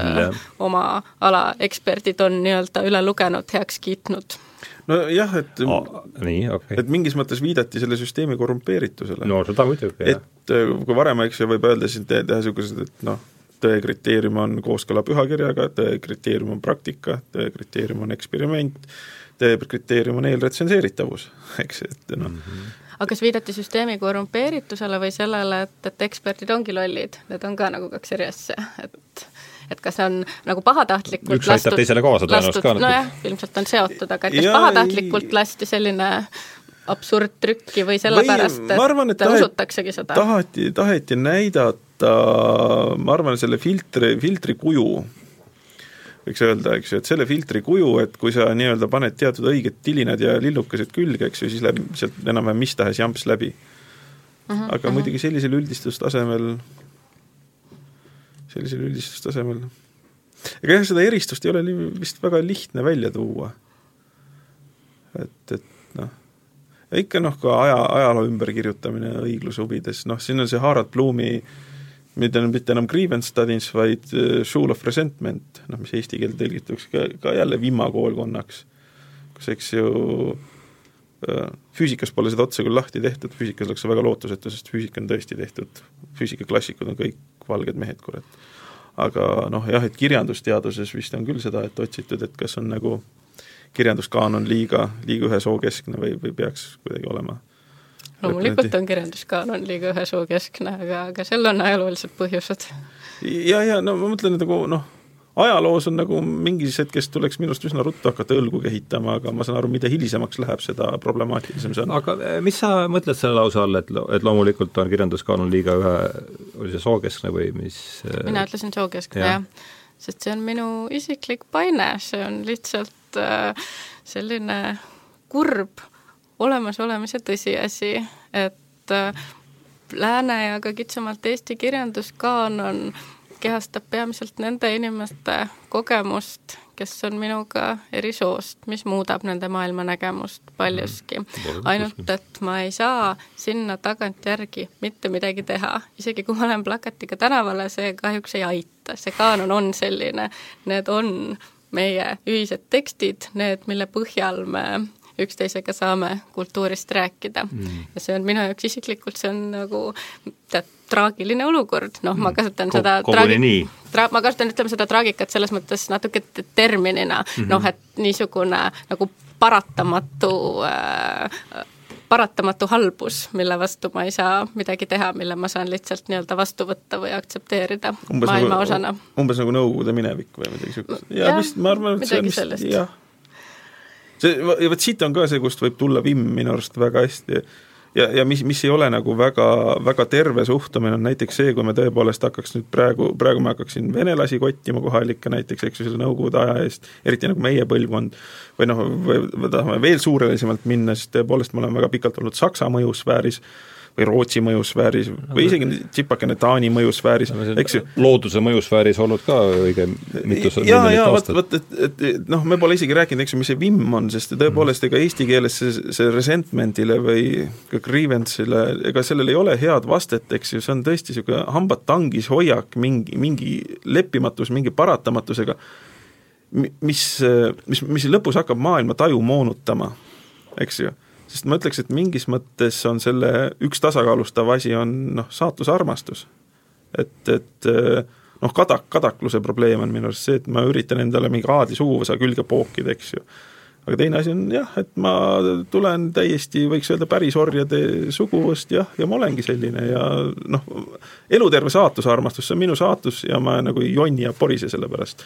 veel hullem, ei hakka kedagi nuhtlema selle pärast, et et, et noh, on arusaadav, et minu arust ka noh, ajalugu on olnud kohutav ja ma arvan, et tõepoolest on olnud väga paljude, vot siin saab ka tagurpidi teha intersektsionalismi, eks ju, et ta ei ole mitte ainult naiste hulgas olnud ebaõiglane, me võime öelda, on eestlaste suhtes olnud kohutavalt ebaõiglane ja nii minna ja nii minna ja me saame ennast väga üles kütta. ja siis hakkame ajaloolist õiglust taastama ja oi joh, ei tii, see, see, see madin ei lõppe. kui me tahame kogu vene rahvalt näiteks eh, indulgentsid välja võtta või, või noh, aga samamoodi näiteks mingil määral nii tehakse.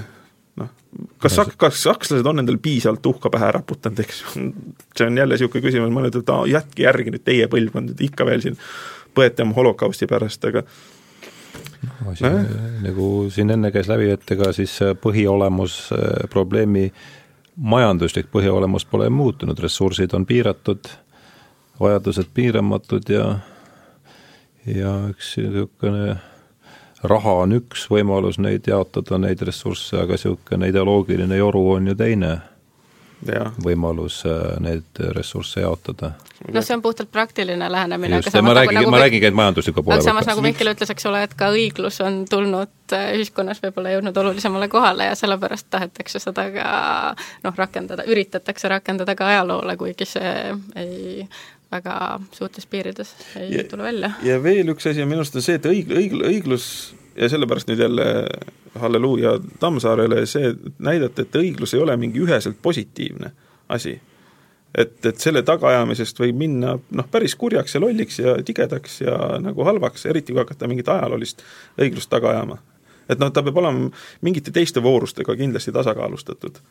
leplikkus, alastamine, saatusarmastus, eks et noh, et noh, tõepoolest, et me ei hakka mingi ajaloolise õigluse nimel siis kohalikke venelasi kottima või või ma ei tea, neid, kes seal praegu Venemaal isegi suhteliselt halvasti elama, et neile nüüd siin mingit Nõukogude Liidu eest kätte maksma või midagi niisugust.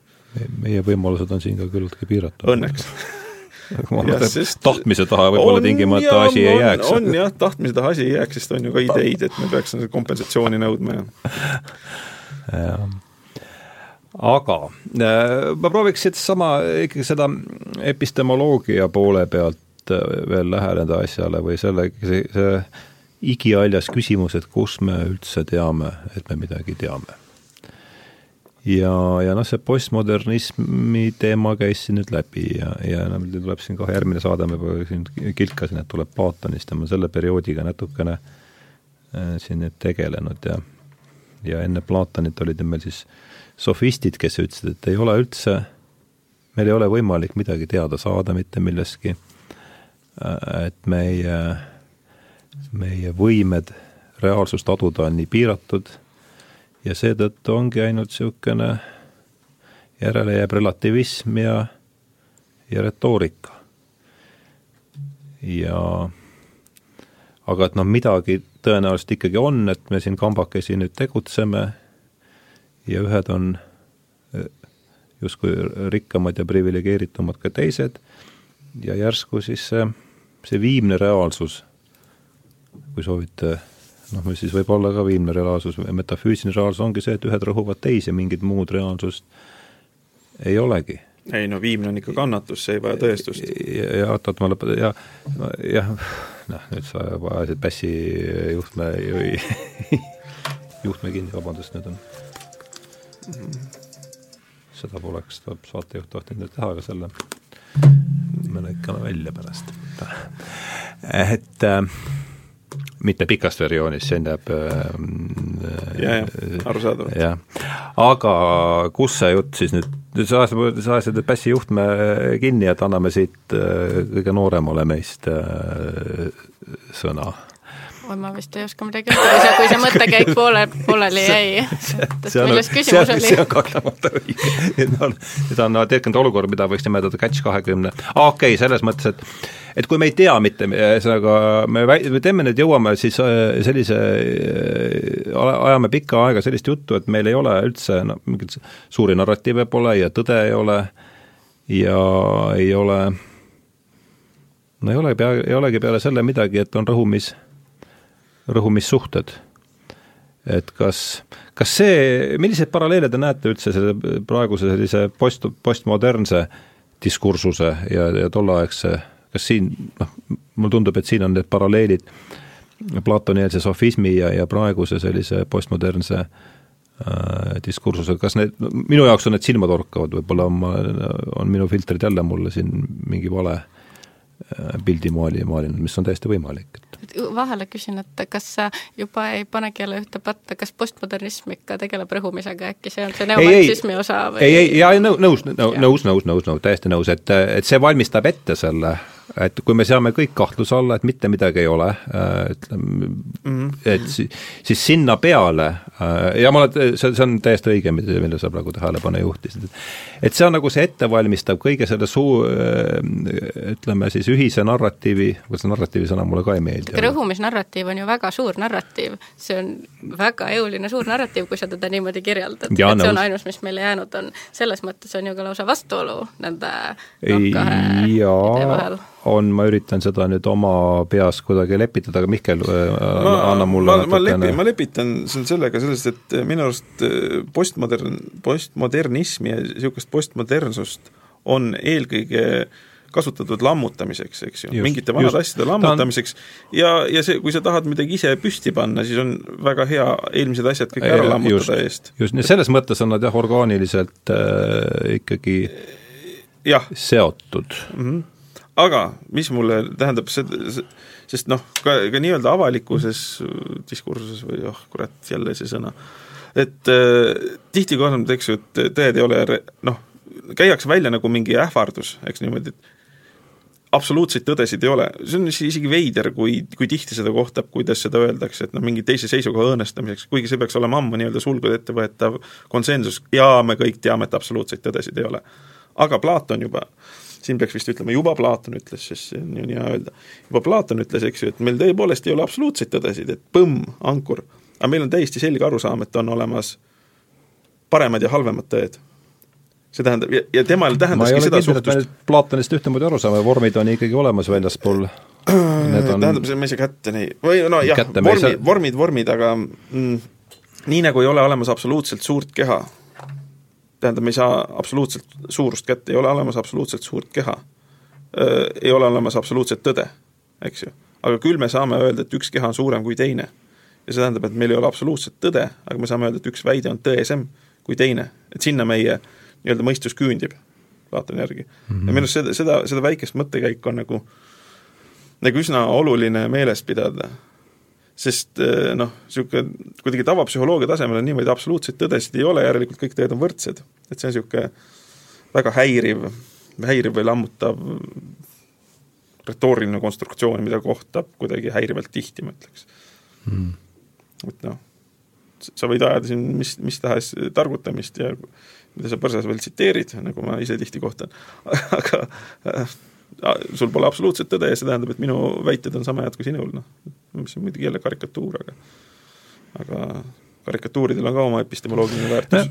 üks, tahtsid sa lisada praegu midagi? ei. ma arvan, et üks võimalus seda lepitada ongi jah, et kui sa nüüd äh, ütleme, jutustad seda äh, postmodernismi gospelit, et mitte millegil ei ole suurt vahe, ma muidugi karikeerin praegu seda selgelt, et mitte millelgi ei ole mitte mingit vahet ja mitte midagi, no üks lugu ei ole suurt parem kui teine ja kõik on suhteline karik-, kas ma karikeerin praegu liiga väga? minu meelest sa karikeerid Nii. natuke üle. jaa, aga ole hea, siis võtame sult kohe vastuväite. noh, jah, vot karikatuurile on ju kurikuulsalt raske vastu vaielda. ei, aga no aga ütle, selgita, miks see on karikatuur äh, selles mõttes, et ma kuulan tähelepanelikult, ega ma soovin, et ma, pilt oleks võimalikult adekvaatne. noh, ma arvan, et äh, see, et mitte millelgi ei ole mitte mingit äh, mõtet ja mingit vahet, see on, ma ei tea, keegi ei ela nii, keegi ei saa no, nii elada no, just, ega ka mitte si mõelda. sinna ma tahtsingi jõuda, et siis seal ongi, kui sa selle, sinnani oled jõudnud, siis see järgmine strateegia on see, et lämmatan ennast äh,, üritan ennast hommikul padjaga lämmatada, eks. aga me ei näe ju praeguses nii-öelda postmodernismist äh, reostatud maailmas seda, et igal hommikul massiliselt inimesi ennast padjaga lämmataks just, aga selleks ongi vaja uut lugu ja selleks kuivõrd mitte mida, kuivõrd mingit uut lugu on vaja, siis võetakse seesama rõhumise idee, mille ümber punutakse kogu see, nii, nii saan vähemasti mina, äh, et see rõhu, see, see marksismist pärit äh, uutele oludele kohandatud rõhumisnarratiiv võetakse, kurat, ma selle Näed, sa ei saa ka nende sõnade ma ei saa, ei taha seda narratiivi kohe kuidagi kasutada, aga see suur, see rõhumise suure loo asi võetakse jälle niimoodi kasutusele, et ma ei tea, kas siin, et just nimelt sellest, et selles tühjuses ei suuda keegi elada, nagu me ilmselt oleme täiesti ühel nõul, ma saan aru aga midagi muud ei ole, kui ongi see viimne metafüüsiline reaalsus, ongi need rõhumissuhted. sest midagi muud, kui ka on, me ei saa niikuinii teada, aga rõhumist seda me, tajume, seda me näeme, seda me tajume ja see on ka nendes kõikides žurnaalides kirja pandud, et näe, tõepoolest rõhutakse. no ma olen vist nõus, et see on üks noh, viimasel ajal esile tunginud Äh, ma ei tea, ühiskondlikke või mõtteloolisi rõhuasetusi, jah, aga noh, see ei tähenda, et kõik muu oleks sealt tagant ära kadunud või kõik muu on ju ikkagi ka vabalt võtta mõtestamise raskel tööl. Ei, jah, loomulikult me ei ole ju mingis totalitaarses, me ei ole veel päris Orwelli lehekülgedele sattunud, et, et ja kindlasti on, on muid asju ka veel, aga aga, aga noh, ma räägin sellest sellepärast, et see võib osutuda piisavalt, et kui selle looga nagu üle võlli sõita, siis see võib osutuda päris äh, no nakatamisvõime on sellel lool hea, eks ju, kuna tema nii-öelda need, need kohad, millega ta inimese psüühikas resoneerib, on kuidagi üsna alaägedalt äh, aktiveeritud, võiks siis nii öelda, eks. et see noh, mingi, mingis mõttes me vajame tsivilisatsiooni hullusärki mingil määral kogu aeg, eks ju teatavat välist, välist korrastatuse tuge. ja meil on tekkinud liiga head instrumendid nende väliste korrastatustugede õõnestamiseks, mingis mõttes. sest no tuleb minu arust jah, alati peab kaaluma ka seda olukorda, et et meie noh, inimkondlik kultuuriline evolutsioon noh, jooksebki puntrasse või kiilubki mingil hetkel kinni. eks ju, saab olla ka mingi mitte ainult peak oil, vaid olla, mulle meeldib, Jaak Ikas on paar korda maininud peak science'it, noh, et äh, noh, tema füüsikuna võib-olla eriti, et noh, kunagi oli väga edukalt, natuke loodust peksid, andis ta kohe sulle päris head, head andmestikku kohe vastu, eks ju. aga nüüd on need noh, eksperimendid ja need asjad läinud nagu nii pööraselt kulukaks, eks ju, et sa piinad seda loodust, palju sa piinad, aga sa ei saa enam uusi andmeid. et noh, me võime ju tunnetada, et miks peaks üks nii-öelda söömisele ja paljunemisele kohanenud primaat, eks ju, koperdama nüüd ühe nii vinge tunnetusorgani otsa, et sellega jääbki seda nii-öelda reaalsust teadusliku meetodiga lüpsma.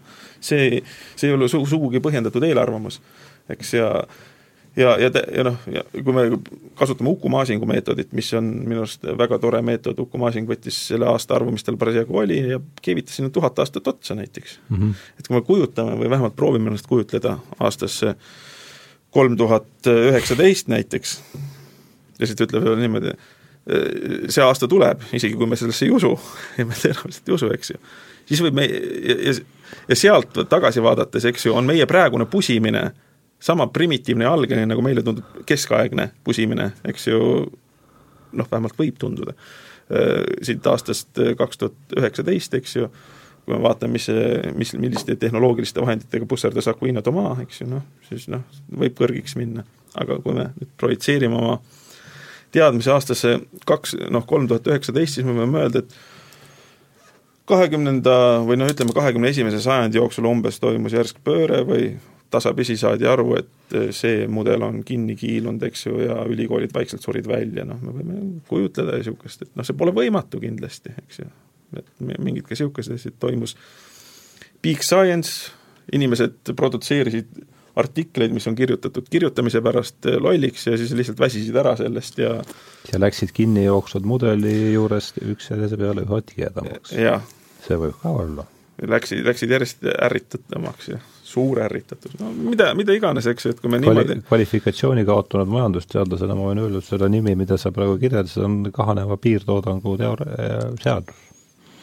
et sa võid noh et siis läheb äh, nii-öelda üli, ülikooli intellektuaalselt pankrotti. kõigepealt nopid ära, eks ole, need äh, õunad, mis on alumistel ah,, alumistel okstel ja nende ülemiste saamisega, noh, sa pead järjest rohkem punnitad, punnitad ja lõpus ei tasu see pidu ennast ära, eks ju. just jah, kusjuures Jaak Tikas, eks ju, noh, kes on ka ikkagi ma arvan, et see suures plaanis või, või mul on tege-, endal sisemine tunne, et palju ühiskond jaksab seda kinni peksta, eks see on see juurprobleem, et lihtsalt see suur valgustusajastu ja nüüd ma, nüüd olen mina, praalin siin laiade üldistustega, laiade üldistustega, et lihtsalt see valgustusajastust saadik või valgustusajastu käigus loodud mudel on suure raginiga kinni jooksmas.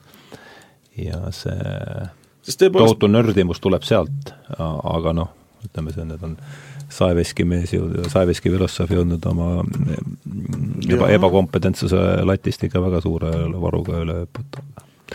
nii, me jäime siin nüüd pikalt ei, jälle jaurama.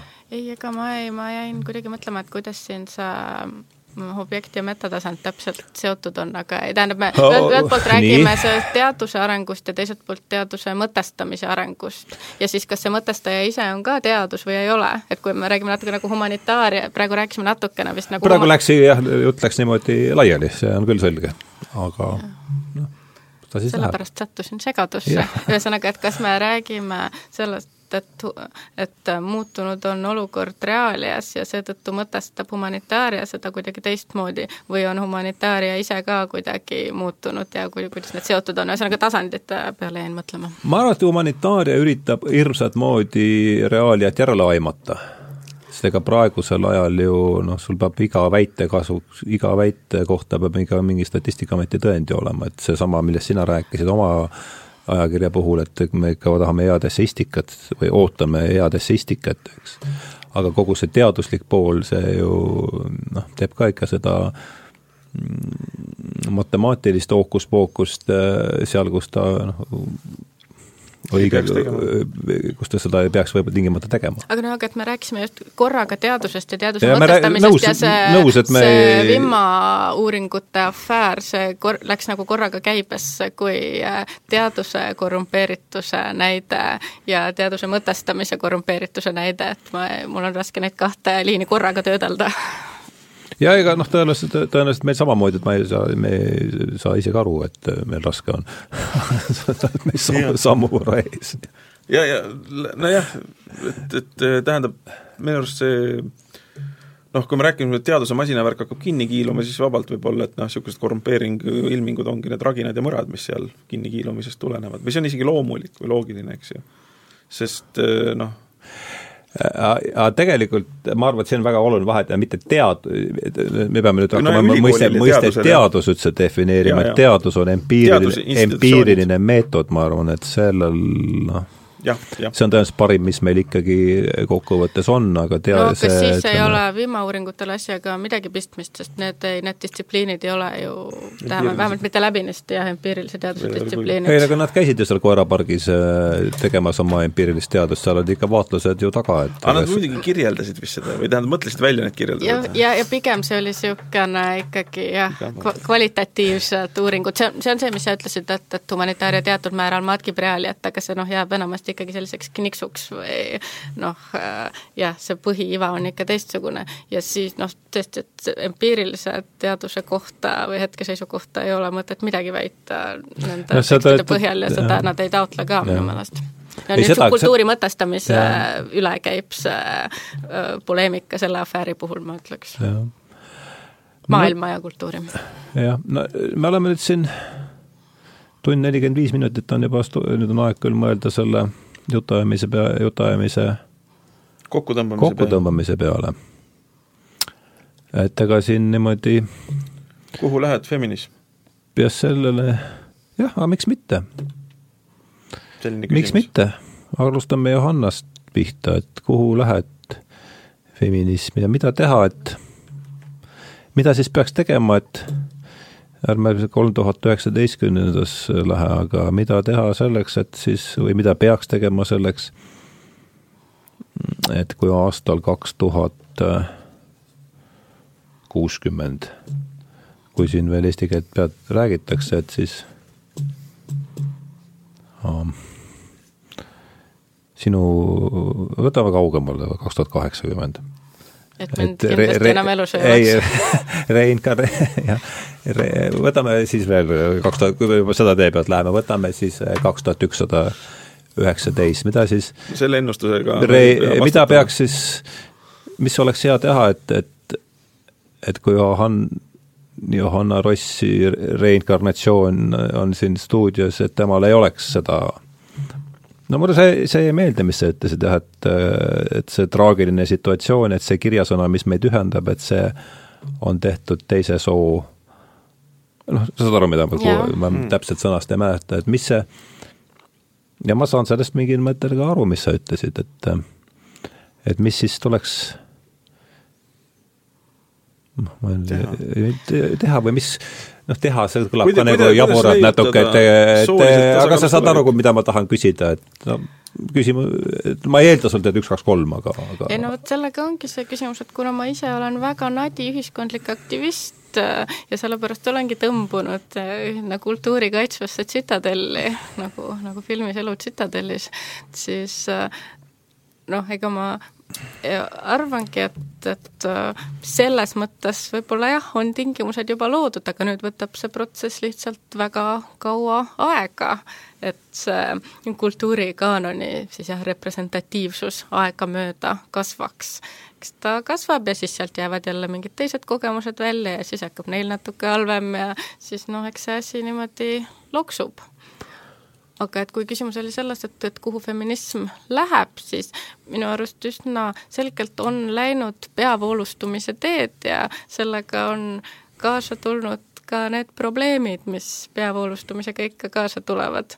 et äh, ühelt poolt on nagu olukord läinud on väga soodne ja asjad on läinud õiges suunas ja selle üle me võiksime kõik rõõmustada, aga jah, siis tekib see küsimus, et siis me hakkame võib-olla vaidlema mingite nüansside üle, mis muus olukorras ei tundukski tähtsad ja tekib küsimus, et noh, milleks seda silti siis enam üldse vaja on, kui see nagunii on juba kõikjal. ma arvan, et teatud mõttes feminism on kõikjal, selles mõttes, et kuskil, ma ei tea, avalikus arutelus ei ole ebanormaalne, kui need poliitik või muu avaliku elu tegelane tunnistab ennast feministiks või profeministiks ja aga samas see ei pruugi ka eriti midagi tähendada, see võib olla lihtsalt selline väike reveranss või noh, ma ka normaalne inimene ja minu arust see on iseenesest täiesti mõistlik olukord.